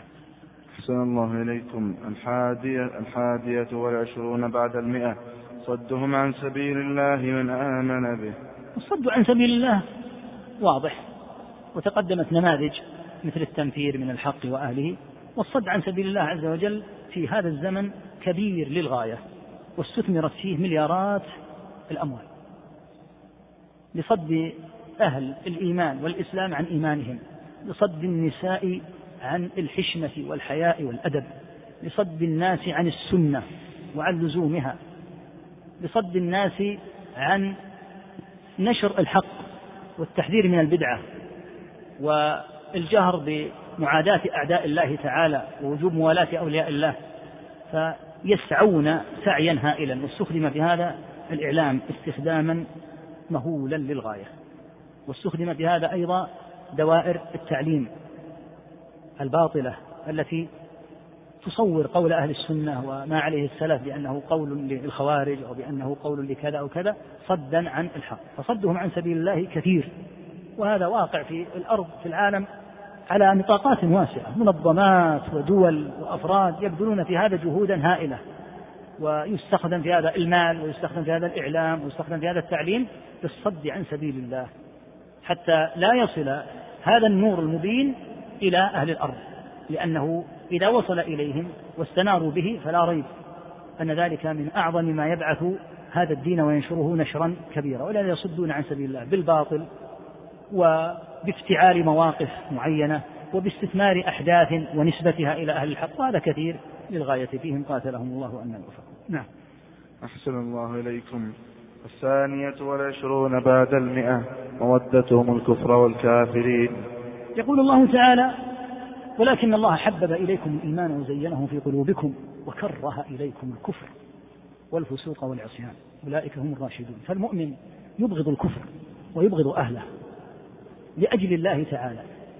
حتى لو كانوا أقرب الأقربين. قال تعالى لا تجد لا تجد قوما يؤمنون بالله واليوم الآخر يوادون من حاد الله ورسوله ولو كانوا آباءهم أو أبناءهم أو إخوانهم أو عشيرتهم. فيبغضهم لله عز وجل. ومهما قال الرعاع من تشويه أمر الولاء والبراء فالمسلم لا يهتم لكلام هؤلاء. الولاء والبراء ركن ركين من اعتقاد المسلم. يبرأ إلى الله عز وجل من الكفر ومن أهل الكفر ويبرأ إلى الله تعالى منهم ومن مجاهرتهم بشركهم وبفسادهم وبباطلهم. وهذا التشويه لأمر الولاء والبراء كثير ومنه تشويه الجهاد في سبيل الله عز وجل والزعم بأن الجهاد في سبيل الله هو مجرد دفع وليس طلب وأن المسلمين ليس لهم أن يطلبوا عدوهم. والمسلمون حين كانوا في المدينة ثم وصل الإسلام إلى جميع الجزيرة العربية ثم وصل إلى جنوب فرنسا وإلى حدود الصين. كل هذا يدافعون عن المدينة. أما يستحون. كل هذا دفاع عن المدينة وعن الجزيرة العربية. الإسلام كان في الجزيرة فإذا لم يكن الإسلام فيه جهاد وطلب لماذا وصل إلى هذه الأماكن؟ كل هذا دفاع عن الجزيرة العربية أو عن المدينة ومكة. لا شك أن هذا من الهزل الفارغ. فهذا التشويه لمسألة مودة الكافرين والولاء والبراء هذه لا تحرك في المسلم ساكنا ويعلم أنها من الباطل الذي يدعو إليه هؤلاء ويعلم علما تاما أن أعداء الله أعداء له إن كان صادقا في عبادته لربه. فعدو الله عدونا وإن كان أقرب الأقربين وقد جعل الله تعالى لنا في إبراهيم ومن معه أسوة. قد كانت لكم أسوة حسنة في إبراهيم والذين معه. إذ قالوا لقومهم إنا براء منكم ومما تعبدون من دون الله كفرنا بكم وبدا بيننا وبينكم العداوة والبغضاء أبدا حتى تؤمنوا بالله وحده. إلا قول إبراهيم لأبيه لأستغفرن لك. الآية. فصريحة الآيات في عدم مودة الكفار لكن هنا أمر في غاية الأهمية. وهو مما أضر كثيرا حقيقة بأمر الولاء والبراء ومسألة عدم مودة المشركين البراءة من الكفار وعدم مودتهم لا تعني أبدا ظلمهم والتعدي عليهم وعدم إيفاء حقوقهم سواء المالية أو حقوقهم وهو من أعظم الحقوق ومن أخطرها حقوقهم التي أعطيت لهم بناء على عهد أخذوه. حتى قال صلى الله عليه وسلم من قتل معاهدا لم يجد رائحة الجنة. فبغضاؤهم شيء والحرص مع هذه البغضاء على استنقاذهم قدر ما تستطيع هذا مما ينبغي أن تتقرب به إلى الله. مهما بذلت من الجهود فأنت على خير. لاستنقاذهم من أن يموتوا وهم على هذا الكفر. تحرص على توضيح الحق لهم. تحرص على استنقاذهم. وثمة قسم كبير جدا من الكفار. كبير كبير كما قال تعالى ذلك بأنهم قوم لا يعلمون. لا يعلمون لا يعرفون الحق. وإذا بين لهم بطريقة سليمة لا تشوه. هذا الدين آمنوا وأسلموا قد أسلمت منهم طوائف كثيرة. فعدم مودتهم شيء والظلم والإساءة إلى الشرع شيء آخر. الظلم من حيث هو كالزنا. يعني كما أنه لا يجوز أن تزني بكافرة ولا بمسلمة فلا يجوز أن تظلم مسلما ولا كافرا لأن الظلم في ذاته محرم. وقد قال صلى الله عليه وسلم واتق دعوة المظلوم فإنه ليس بينها وبين الله حجاب وفي المسند وإن كان كافرا. الله أكبر. يعني قد يدعو عليك كافر فتصيبك الدعوة. لا تظلم الظلم شيء آخر يختلف كل الاختلاف عن عدم المودة. عدم المودة. والبراءة منهم شيء لا يعني ظلمهم ولا يعني أيضا عدم بذل الجهد في أن يهديهم الله تعالى. بل هذا كما قال تعالى في القرآن وإنه لذكر لك ولقومك وسوف تسألون. سوف تسأل الأمة عن هذه الأمانة أمانة القرآن. قال تعالى وأوحي إلي هذا القرآن لأنذركم به ومن بلغ لا بد أن يبلغ. فتبلغه وترغب فيه وتحببه إليهم قدر ما تستطيع وتعلمهم أنك على جانب كبير من الحرص عليهم وأنك لا تريد منهم شيئا إلا أن يهديهم الله إلى دين الحق. فيهتدي كثيرون لكن التصرفات الفوضوية أضرت كثيرا بالإسلام وأهله. وأعداء الله من اليهود استثمروها غاية الاستثمار للصد عن دين الله. فينبغي أن يكون المسلم ضابطا. وهذه مزية العلم نسأل الله يرفعنا وإياكم به. مزية العلم أنك بين الإفراط وبين التفريط. لا أنت مع أهل الإفراط في إفراطهم ولا مع أهل التفريط في تفريطهم. فبغض الكفار دين. كما تتقرب إلى الله تعالى بصلاتك وزكاتك. والله تعالى جعل هذا من صفات عباده الراشدين ولكن الله حبب إليكم الإيمان وزينه في قلوبكم وكره إليكم الكفر. كفر مكروه مبغوض. عبادة أصنام أو عبادة بشر أو عبادة عياذا بالله حتى عبادة الشيطان وعبادة من يحب هذا؟ المؤمن هذا أبغض شيء إليه. لكن فرق بين أن تبغض الكفر وتبغض الكافرين وبين أن تظلم. الظلم ممنوع منه. ليس مع المسلم حتى مع الكافر. لا يحل لك أن تظلمه.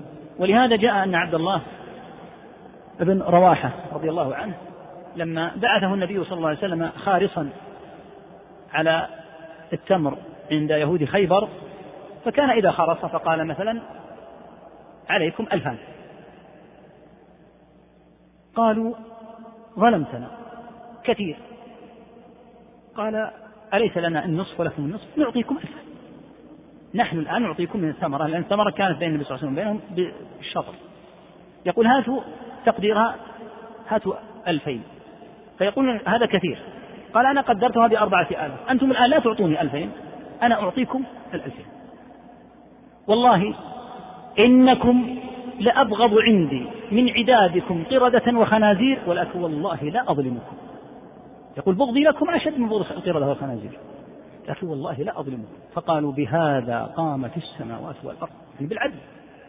فالمسلم يعدل حتى مع الكافر ولا يظلمه. وبغضه له لا يعني أن يتعدى عليه. بغضه له أيضا لا يعني أن يتركه دون دعوة ودون حرص عليه بل حتى لو دعا له بأن يهديه الله. لأنه قد يدعى لهم بالهدى فكان اليهود يتعاطسون عند النبي صلى الله عليه وسلم ويحمدون الله. ومعلوم أن من عطس فحمد الله فإنك تقول له يرحمك الله. فكان النبي صلى الله عليه وسلم يقول لهم يهديكم الله. ولا يدعو لهم بالرحمة لأن لا يجوز أن يدعى لهم بالرحمة. ولما قال له قائل يا رسول الله إن دوسا أبت يعني على الإسلام وتمنعت فرفع صلى الله عليه وسلم يديه فقال الصحابة هلكت دوس. فقال اللهم اهد دوسا وأت بهم. فهداهم الله وأتى بهم. فالدعاء لهم بأن ولا سيما الجهلة منهم. مجموعة كبيرة منهم جهلة لا يدرون بالإسلام إلا من خلال تشويهه. فأن تسأل الله تعالى أن ينشر الحق في الإسلام وأن يهتدي هؤلاء الضالون الزائغون. هذا من الخير وأن تحرص على أن توصل لهم الحق وتبينه على حقيقته. كل هذا من الخير ولا يعني ذلك ترك مودتهم. ولا يعني ذلك أن أن يودوا. لا لابد أن يبغضوا في الله عز وجل ويتقرب إلى الله ببغضهم والبراءة منهم لكن لا يعني ذلك الظلم. الظلم شيء. المسألة مسألة مثل ما قلنا لما ذكرت الفتن جاء في بعض الروايات ومن يهلك فيها قال إلا من نعشه الله بالعلم. نعشه أي رفعه. التفريق بين مثل هذه الأمور بعد توفيق الله وفضله يحتاج إلى علم. فيأتي إنسان يرى أن بغض الكفار يعني إهلاكهم ونقض عهودهم والسعي في الإضرار بهم وتشويه الدين منهم حتى ربما ارتعبوا بمجرد أن يروه. من قال إن هذا من الدين؟ من قال إن هذا من الحق؟ قال صلى الله عليه وسلم إن منكم منفرين. من قال لك إن الدعوة إلى الله أن تنفرها أنت بهذا لا تحسن الدعوة إلى الله اتركها لغيرك وعكسهم المخذولون الذين يقولون إنهم إخواننا في الإنسانية وإنه لا ينبغي أن يتحدث عن البراءة من الكفار أو عدم مودتهم وإن هذا من الغلط وإن أمة إنسانية هم لهم دينهم يفعلون ما يريدون ونحن لنا ديننا ولا ينبغي أن يكون هذا النشر للكراهية كما يعبرون عنه. كراهية ذكرها الله في القرآن. ولكن الله حبب إليكم الإيمان وزينه في قلوبكم وكره إليكم الكفر. ماذا تحب؟ تحب الكفر؟ لا بد أن تكره الكفر والكافرين لكن بهذا الضبط. كراهة الكفر عدم المودة لأهله مع عدم ظلمهم مع الحرص على إيصال الحق لهم والله المستعان. نعم. أحسن الله إليكم. الثالثة والعشرون بعد المئة والرابعة والخامسة والسادسة والسابعة والثامنة والتاسعة والعشرون بعد المئة العيافة والطرق والطيرة والكهانة والتحكم إلى الطاغوت وكراهة والكهانة والكهانة؟ والتحاكم نعم عدلها قال العحصنك الحياة العيافة والطرق والطيرة والكهانة والتحاكم إلى الطاغوت وكراهة التزويج بين العبدين والله أعلم. وصلى الله بين على محمد. بين العيدين. بين العيدين. يعني عيد الفطر وعيد الأضحى. عدلها أعدها وكراهة. أحسانك والتحاكم إلى الطاغوت وكراهة التزويج بين العيدين. والله أعلم وصلى الله على محمد وعلى آله وصحبه. هذه المسائل جمعها رحمه الله. هناك تقارب بين بعضها. العيافة والطيرة زجر الطير. كانت العرب إذا رأت الطير في وكره أتت إليه وطيرته حتى يطير تنظر أين يتجه. فإن اتجه عن اليمين تيامنوا. إذا كان واحد منهم يريد السفر سافر. قال لما ذهب عن الجهة اليمنى هذا يدل على أن هذا السفر ميمون. فإن ذهب عن الجهة الشمالية تشاءم. وقال هذا يدل على أن السفر مشؤوم الطيرة التشاؤم. وسواء تشاءم بالطير أو بالأيام أو لو رأى حادث سيارة أمامه مثل بعض الناس. إذا رأى حادث سيارة ورأى كثرة القتلى والدماء وكذا تشاءم ورجع. يظن أنها سيصيبه مثل ما أصاب هؤلاء. كل هذا تشاؤم بالأيام بذوي العاهات كالأعور ببعض الدواب والطيور كالغراب أو البومة ونحوها. التشاؤم ببعض المظاهر التي يراها بأصوات كل هذا من الشرك. قال صلى الله عليه وسلم الطيرة شرك الطيرة شرك الطيرة شرك. فلا يحل أن يفعل هذا أحد وهذه من مخلفات الجاهلية القديمة. أما الطرق فالطرق يزعم أهله أنهم يخطون بالأرض ويعرفون من خلال هذه الخطوط المغير يخطون خطوطا كثيرة كثيرة كثيرة هنا وهنا ثم يبدأون يمسحون خطين خطين. الخطوط إما أن تكون شفعا أعداد خطوط الأرض وإما أن تكون وترا. فإن كانت شفعا أخذ منها معنى. وإن كانت وترا يعني إذا انتهت إذا انتهى مسحه الخطوط وإن الذي بقي واحد هذا له دلالة. وإن كان الذي تبقى إثنان له دلالة. هكذا خص والدعاء للغيب. وهكذا الكهانة. الكهانة ما يدعي هؤلاء الكذبة من أنهم يستطيعون أن يطلعوا على الغيوب. وقد بين صلى الله عليه وسلم أن الكهان تنزل عليهم الشياطين. قال صلى الله عليه وسلم مسترق السمع هكذا حرف يديه وبددها بين أصابعه. فيسترق السمع من الملائكة إذا نزلت إلى العنان وتحدث فيما بينها. فربما أدركه الشهاب قبل أن يلقيها وربما ألقاها قبل أن يدركها حتى تصل إلى الكاهن فيكذب معها مئة كذبة. وإلا فلا يمكن أن يطلع على الغيب أحد. لكن يسترقون السمع من الملائكة ويأتون إليه بأمر مغيب مما سمعوه من الملائكة ثم يخلط الكاهن معها مئة كذبة. ومن ذلك التحاكم إلى الطاغوت هذا من فعل أهل الجاهلية. تقدم الكلام عليه أن أن معنى الطاغوت في قوله تعالى ألم ترى الذين أوتوا نصيبا ألم ترى الذين يزعمون أنهم آمنوا بما أنزل إليك وما أنزل من قبلك يريدون أن يتحاكموا إلى الطاغوت أي إلى غير الشرع ويدخل في التحاكم إلى الطاغوت كل شيء غير الشرع. طرائق القبائل وعوائدها أسلوبها الأنظمة الوضعية الغربية من أنظمة الفرنسيين أو الأنظمة الإشتراكية أو لو تواطأ الناس فيما بينهم وضعوا أنظمة هكذا من تلقاء أنفسهم دون أن تكون على خلاف الشرع فكل هذا من حكم الطاغوت. والآخر هذه من خرافات الجاهليين كراهة التزويج بين العيدين. يعني بين عيد الفطر وعيد الأضحى يتشاءمون منه. ويبقون بعد يعني في الفترة هذه بين العيدين يبقون بلا زواج. وهكذا التشاؤم من سفر وغيره. كل هذه من طرائق الجاهلية. نسأل الله أن يجزل للإمام المثوبة ويغفر له ويرحمه. وأن يجعلنا وإياكم من يستمعون القول فيتبعون أحسنه. والعبرة أيها الإخوة بدراسة مثل هذه الأمور. العبرة كل العبرة أن ينتفع بها وأن تبث في الناس حتى يحذروا هذه الطرائق الجاهلية. لا أن يعرف أن الجاهلي الجاهليين يقولون كذا ويعتقدون كذا. ما الفائدة؟ الفائدة أن تحذر وأن يبين أن هذه على خلاف الحق. نعم؟ نفسه زجر الطير. يقول قوله تعالى خالدين فيها أبدا لأصحاب الكبائر الكبائر كيف يجمع بينها وبين الله بين أن الله يخرج العصاة من النار؟ بجمع النصوص. بجمع النصوص. الخلود في القرآن نوعان. خلود للعصاة ينقطع وينقضي فيأذن الله بالشفاعة فينتهي خلودهم. ومعنى الخلود هو الإقامة الطويلة. كما قالت العرب أقاموا فأخلدوا. فإذا بقي والعياذ بالله في جهنم ألف سنة. نسأل الله العافية. خلد قد يكون عمره في التكليف أن ما كلف إلا عشرين سنة فأخذ ضعفها خمسين مرة خلد لا شك أنه خلد. ثم دلت النصوص الجلية على أن الله تعالى يفرق بين من مات من عصاة الموحدين وبين الكفار. فلا يكون مثلا من شرب الخمر ومات عليه كأبي لهب وكأبي جهل وكفرعون وإبليس في العذاب حتى في درجة العذاب لا يكونون في درجة واحدة. ثم إن الله تعالى يأذن بالشفاعة والأدلة على الشفاعة في القرآن كثيرة وفي السنة كثيرة. وقد قال تعالى إن الله لا يغفر أن يشرك به ويغفر ما دون ذلك لمن يشاء فإن الله قد يغفر حتى لصاحب الكبيرة ولا يدخله النار. وهذا إليه تعالى كما قال لمن يشاء. فإذا جمعت النصوص اتضح المراد. أما النوع الثاني من الخلود فهو خلود أهل النار. هؤلاء الذين كما قال تعالى لا يموت فيها ولا يحيا. يقول هل يحتج بأحاديث الآحاد في العقيدة؟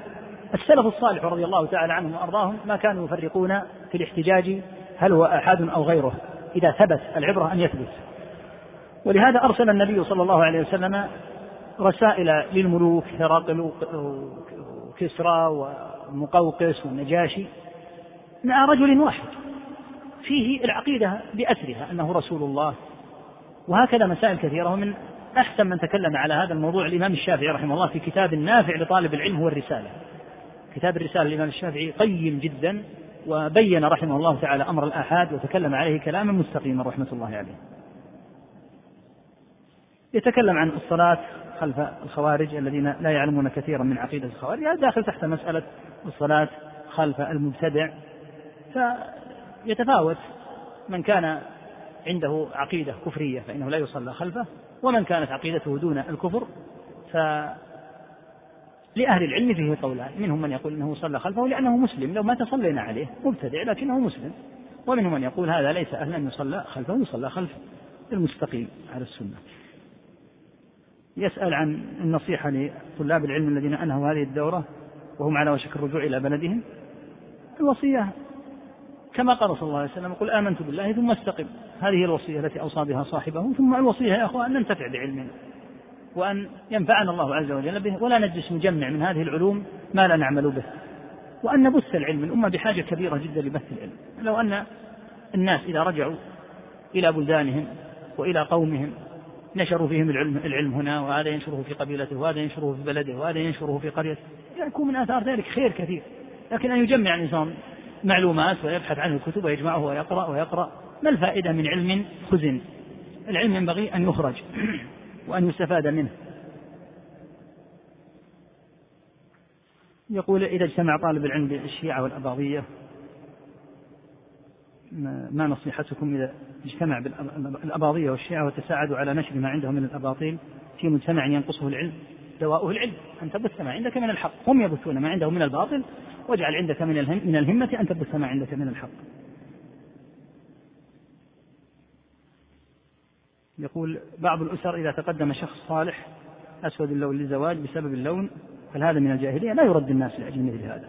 لا يرد الناس لأجل مثل هذا إنما المعول في القبول والرد في أمر الاستقامة. هذا هو الأصل. الأصل هو هذا. كيف نجمع بين ذم الافتخار وبين قوله صلى الله عليه وسلم أنا ابن عبد المطلب؟ وقال أنا سيد ولد آدم ولا فخر. أجبت وفقك الله. أنا سيد ولد آدم ولا فخر. لماذا قال أنا سيد ولد آدم؟ حتى يعلمنا من هو سيد ولد آدم لأن هذا باب من العلم. فلو قال أحد إن سيدي ولا إن سيد ولد آدم إبراهيم أبوه. وقال آخر لا بل سيد ولد آدم أبوهم آدم لأن هؤلاء من ذريته. فاحتيج إلى البيان فأخبر أنه سيد ولد آدم. ولهذا قال ولا فخر يعني أنا أخبركم بأمر مما جعله الله عز وجل وهو أن جعل السيادة له صلى الله عليه وسلم. ولهذا قال ولا فخر. أما قوله أنا ابن عبد المطلب فقاله عليه الصلاة والسلام في موقعة حنين وكان هذا من أعظم الأدلة على شجاعته ورباطة جأشه صلى الله عليه وسلم لأنه لما فر من فر من المسلمين وبقي صلى الله عليه وسلم في نفر قليل ركض بغلته صلى الله عليه وسلم خيال الكفار وقال أنا ابن عبد المطلب. قال أهل العلم هذا من أعظم ما يكون من الشجاعة لأنه الذي لا يعرفه يقول اعرفني الآن أنا محمد رسول الله. فما كان يقولها متفاخرا بل كان يقولها معرفا. يقول أنا ابن عبد المطلب من لا يعرفني فليعرفني. واتجه صلى الله عليه وسلم نحو الكفار. وهكذا قوله هذا خالي فليريني آه، امرؤ خالة. سعد رضي الله عنه قاله يقصد سعد رضي الله تعالى عنه بيانا لمكانته وقدره رضي الله تعالى عنه وأرضاه. الأخ يدعو لزيارة يعني بعض البلدان. نسأل الله عز وجل أن يسهل الأمور. وبحمد الله يعني الأمر بفضل الله ومنته مثل ما قلنا. العلم الآن ينتشر ويمكن أن يصل بحمد الله إلى بلاد كثيرة. يقول يقول إن ابن عباس قال استمعوا إلى العلماء ولا تصدقوا بعضهم على بعض فهو الذي نفسي بيده لهم أشد تغايرا من التيوس في زروبها هذا أثر آخر يا أخي هذا أثر آخر عن ابن عباس والأثر الآخر عن مالك بن دينار. قال أقبل شهادة القراء في كل شيء إلا بعضهم على بعض وجدتهم أشد تنافسا من التيوس على المعز أو نحوه. هذا رواه آه، الخطابي في العزلة والأخ يقول هذا ذكره ابن عبد البر في في كتاب في كتابه جامع بيان العلم وعن مالك بن دينار يؤخذ بقول العلماء والقراء في كل شيء إلا قول بعضهم في بعض. هذه رواية يمكنها مختصرة لكن الروايه هذه إذا أردتها تجدها في كتاب العزة الخطابي كما ذكرت لك. يسأل عن حكم استبدال الشريعة بالنظام الوضعي. طاغوت كما سمعت. هذا من تحكيم الطاغوت. يقول هناك كتاب في الأيام الأخيرة من حياة الرسول صلى الله عليه وسلم. ذكر فيه الأحوال والأخبار والأحاديث التي جاءت في آخر حياته. جيد. إذا كان في هذا الكتاب كفى إذا كان كفى فجيد وحسن. لكن آه، آخر حياته صلى الله عليه وسلم فيها أحداث كثيرة. متعلقة بتولية أبي بكر بالإشارة إلى أبي بكر. مر أبي بكر فليصلي بالناس حرص آه، وصيته بالصلاة وما ملكت الأيمان. قوله في وهو يموت في السياق لعنة الله على اليهود والنصارى اتخذوا قبور أنبيائهم فإذا جمع المصنف كل هذا فهذا شيء طيب. ومن الأمور التي يوصى بها طلبة العلم. إذا وجدت أحد المصنفين صنف في باب وكف لا تصنف. لا تصنف. تتكون من الكتب الآن في موضوع واحد وينقل بعضهم من بعض. هذا ليس بسليم. ابحث عن مسألة لم يعني تحرر وتحقق واكتب فيها بدلا من أن يجتمع عندنا إذا كان الكتاب هذا أنا ما أذكره لكن إذا كان قد وفى وكفى بالمقام فلا حاجة إلى أن يصنف. يقول هل هناك تلازم بين لبس الحق بالباطل وبين كتمان الحق؟ نعم متلازمان. إذا لبس الحق إذا إذا لبس بالباطل كتم الحق. يتكلم عن آه، رأي العلماء في الأحزاب والجماعات التي حكم الديمقراطية بحجة التغيير كما قلنا. التغيير له منهج شرعي مضبوط. يعني الإسلام لم يقصر في أمر التغيير حتى يؤخذ من الديمقراطية أو غيرها. يقول عن إعانة الكفار على المسلمين واشترط الكفر بها أن يعتقد نشر الكفر فلو اعتقد ونوى الدنيا. لا يجوز أن يعان الكفار بتاتا على المسلمين. لا يحل هذا. يشترط ولا يشترط كل هذا ما يصلح. إلا أن يجبروا إجبارا. أحيانا يكون تكون الدول الكافرة تجبر إجبارا. هذا وضع آخر. لأنهم ألجأوهم إلجاء فاستخدموا بلادهم مثلا بالقوة. هذا ما ما استشاروا أصلا فيه. لكن أن يعانوا على المسلمين لا يحل هذا بتاتا. زيارة القبور التي فيها شرك قبر الجيلاني والشافعي وبحجة النظر إلى ما هم عليه من الشرك وعدم الإنكار. ما يصلح يا أخي. ما الفائدة؟ تكثر سوادهم. كما قال صلى الله عليه وسلم من كثر سواد قوم فهو منهم. إذا كثرت السواد صرت منهم. فينبغي أن لا تكثر سوادهم. إلا أن تذهب لتنكر عليهم ما هم فيهم بعض حكم زيارة الأماكن الأثرية سواء بلاد المسلمين أو بلاد الكفار وسواء أماكن المعذبين أو لا بين النبي صلى الله عليه وسلم المعذبين لما مر بمدائن صالح أنه لا يحل أن يدخل عليهم إلا أن يكونوا باكين. فليسوا موضع فرجة ليسوا من المواضع التي يتفرج فيها. وغطى رأسه صلى الله عليه وسلم لما مر بهم وأمر لما سبق بعض الصحابة رضي الله عنهم لما سبق بعض الصحابة رضي الله عنهم إلى بئرهم إلى آبارهم وأصلحوا منها بعض الطعام أمر صلى الله عليه وسلم ألا يؤكل وأن تعلف الإبل منه لما أصلحوا الطعام لا يأكله أحد. كل هذا بيان لكون هذه المواضع لا يحل أن تكون موضع فرجة لأنها موضع اعتبار. يتكلم عن نصيحة أساليب الدعوة إلى الله إذا رجع إلى البلاد عليكم بالرفق.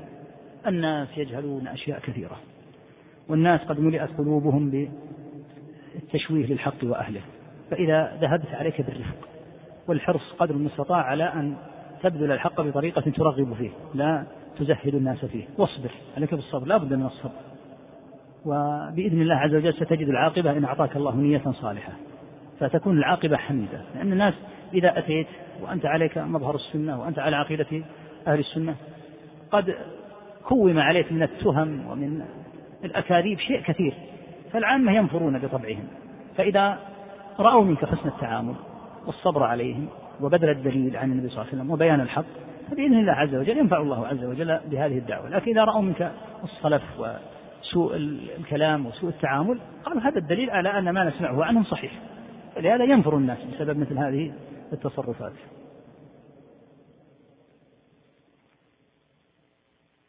يسأل عن مسألة يحل أن يحلق المسلم لحيته. الله المستعان. اللحية يا أخوة شعار عظيم جدا. وواجب من واجبات الإسلام لا يحل التلاعب به ولا العبث به وإنما لو وجدت ضرورة ملجئة كما تؤكل الميتة بحيث أن الإنسان لو ذهب إلى تلك البلاد لسجن وضرب وأهين وعذب عذابا بالغا لمجرد أنه ملتحي المشتكى لله. إذا كان لا بد له أن يذهب من أهل البلاد طبعا تلك البلاد. إذا كان لا حيلة له في أن يذهب يذهب حتى لو حصل منه مثل هذا لكن عليه أن يحرص على الخروج من مثل هذه البلاد. يخرج من هذه البلاد التي لا يستطيع أن يقيم فيها شعائر دينه. لكن إذا كان سيترتب على إعفائه للحيته أن يعذب من قبل هؤلاء المجرمين في سجونهم ويترتب على هذا شيء من الأذى العظيم له في جسده وفي ما أحد يقول أنه في مثل هذه الحالة. يحرم عليه أن تحلق أن يحلق لحيته لأنه من باب الضرورة الملجئة. لكن مثل هذه الأماكن ينبغي أن يحرص المسلم إذا كان يضايق فيها إلى هذا الحد ينبغي أن يحرص على أن يذهب فيها وأرض الله واسعة. سبحانك اللهم.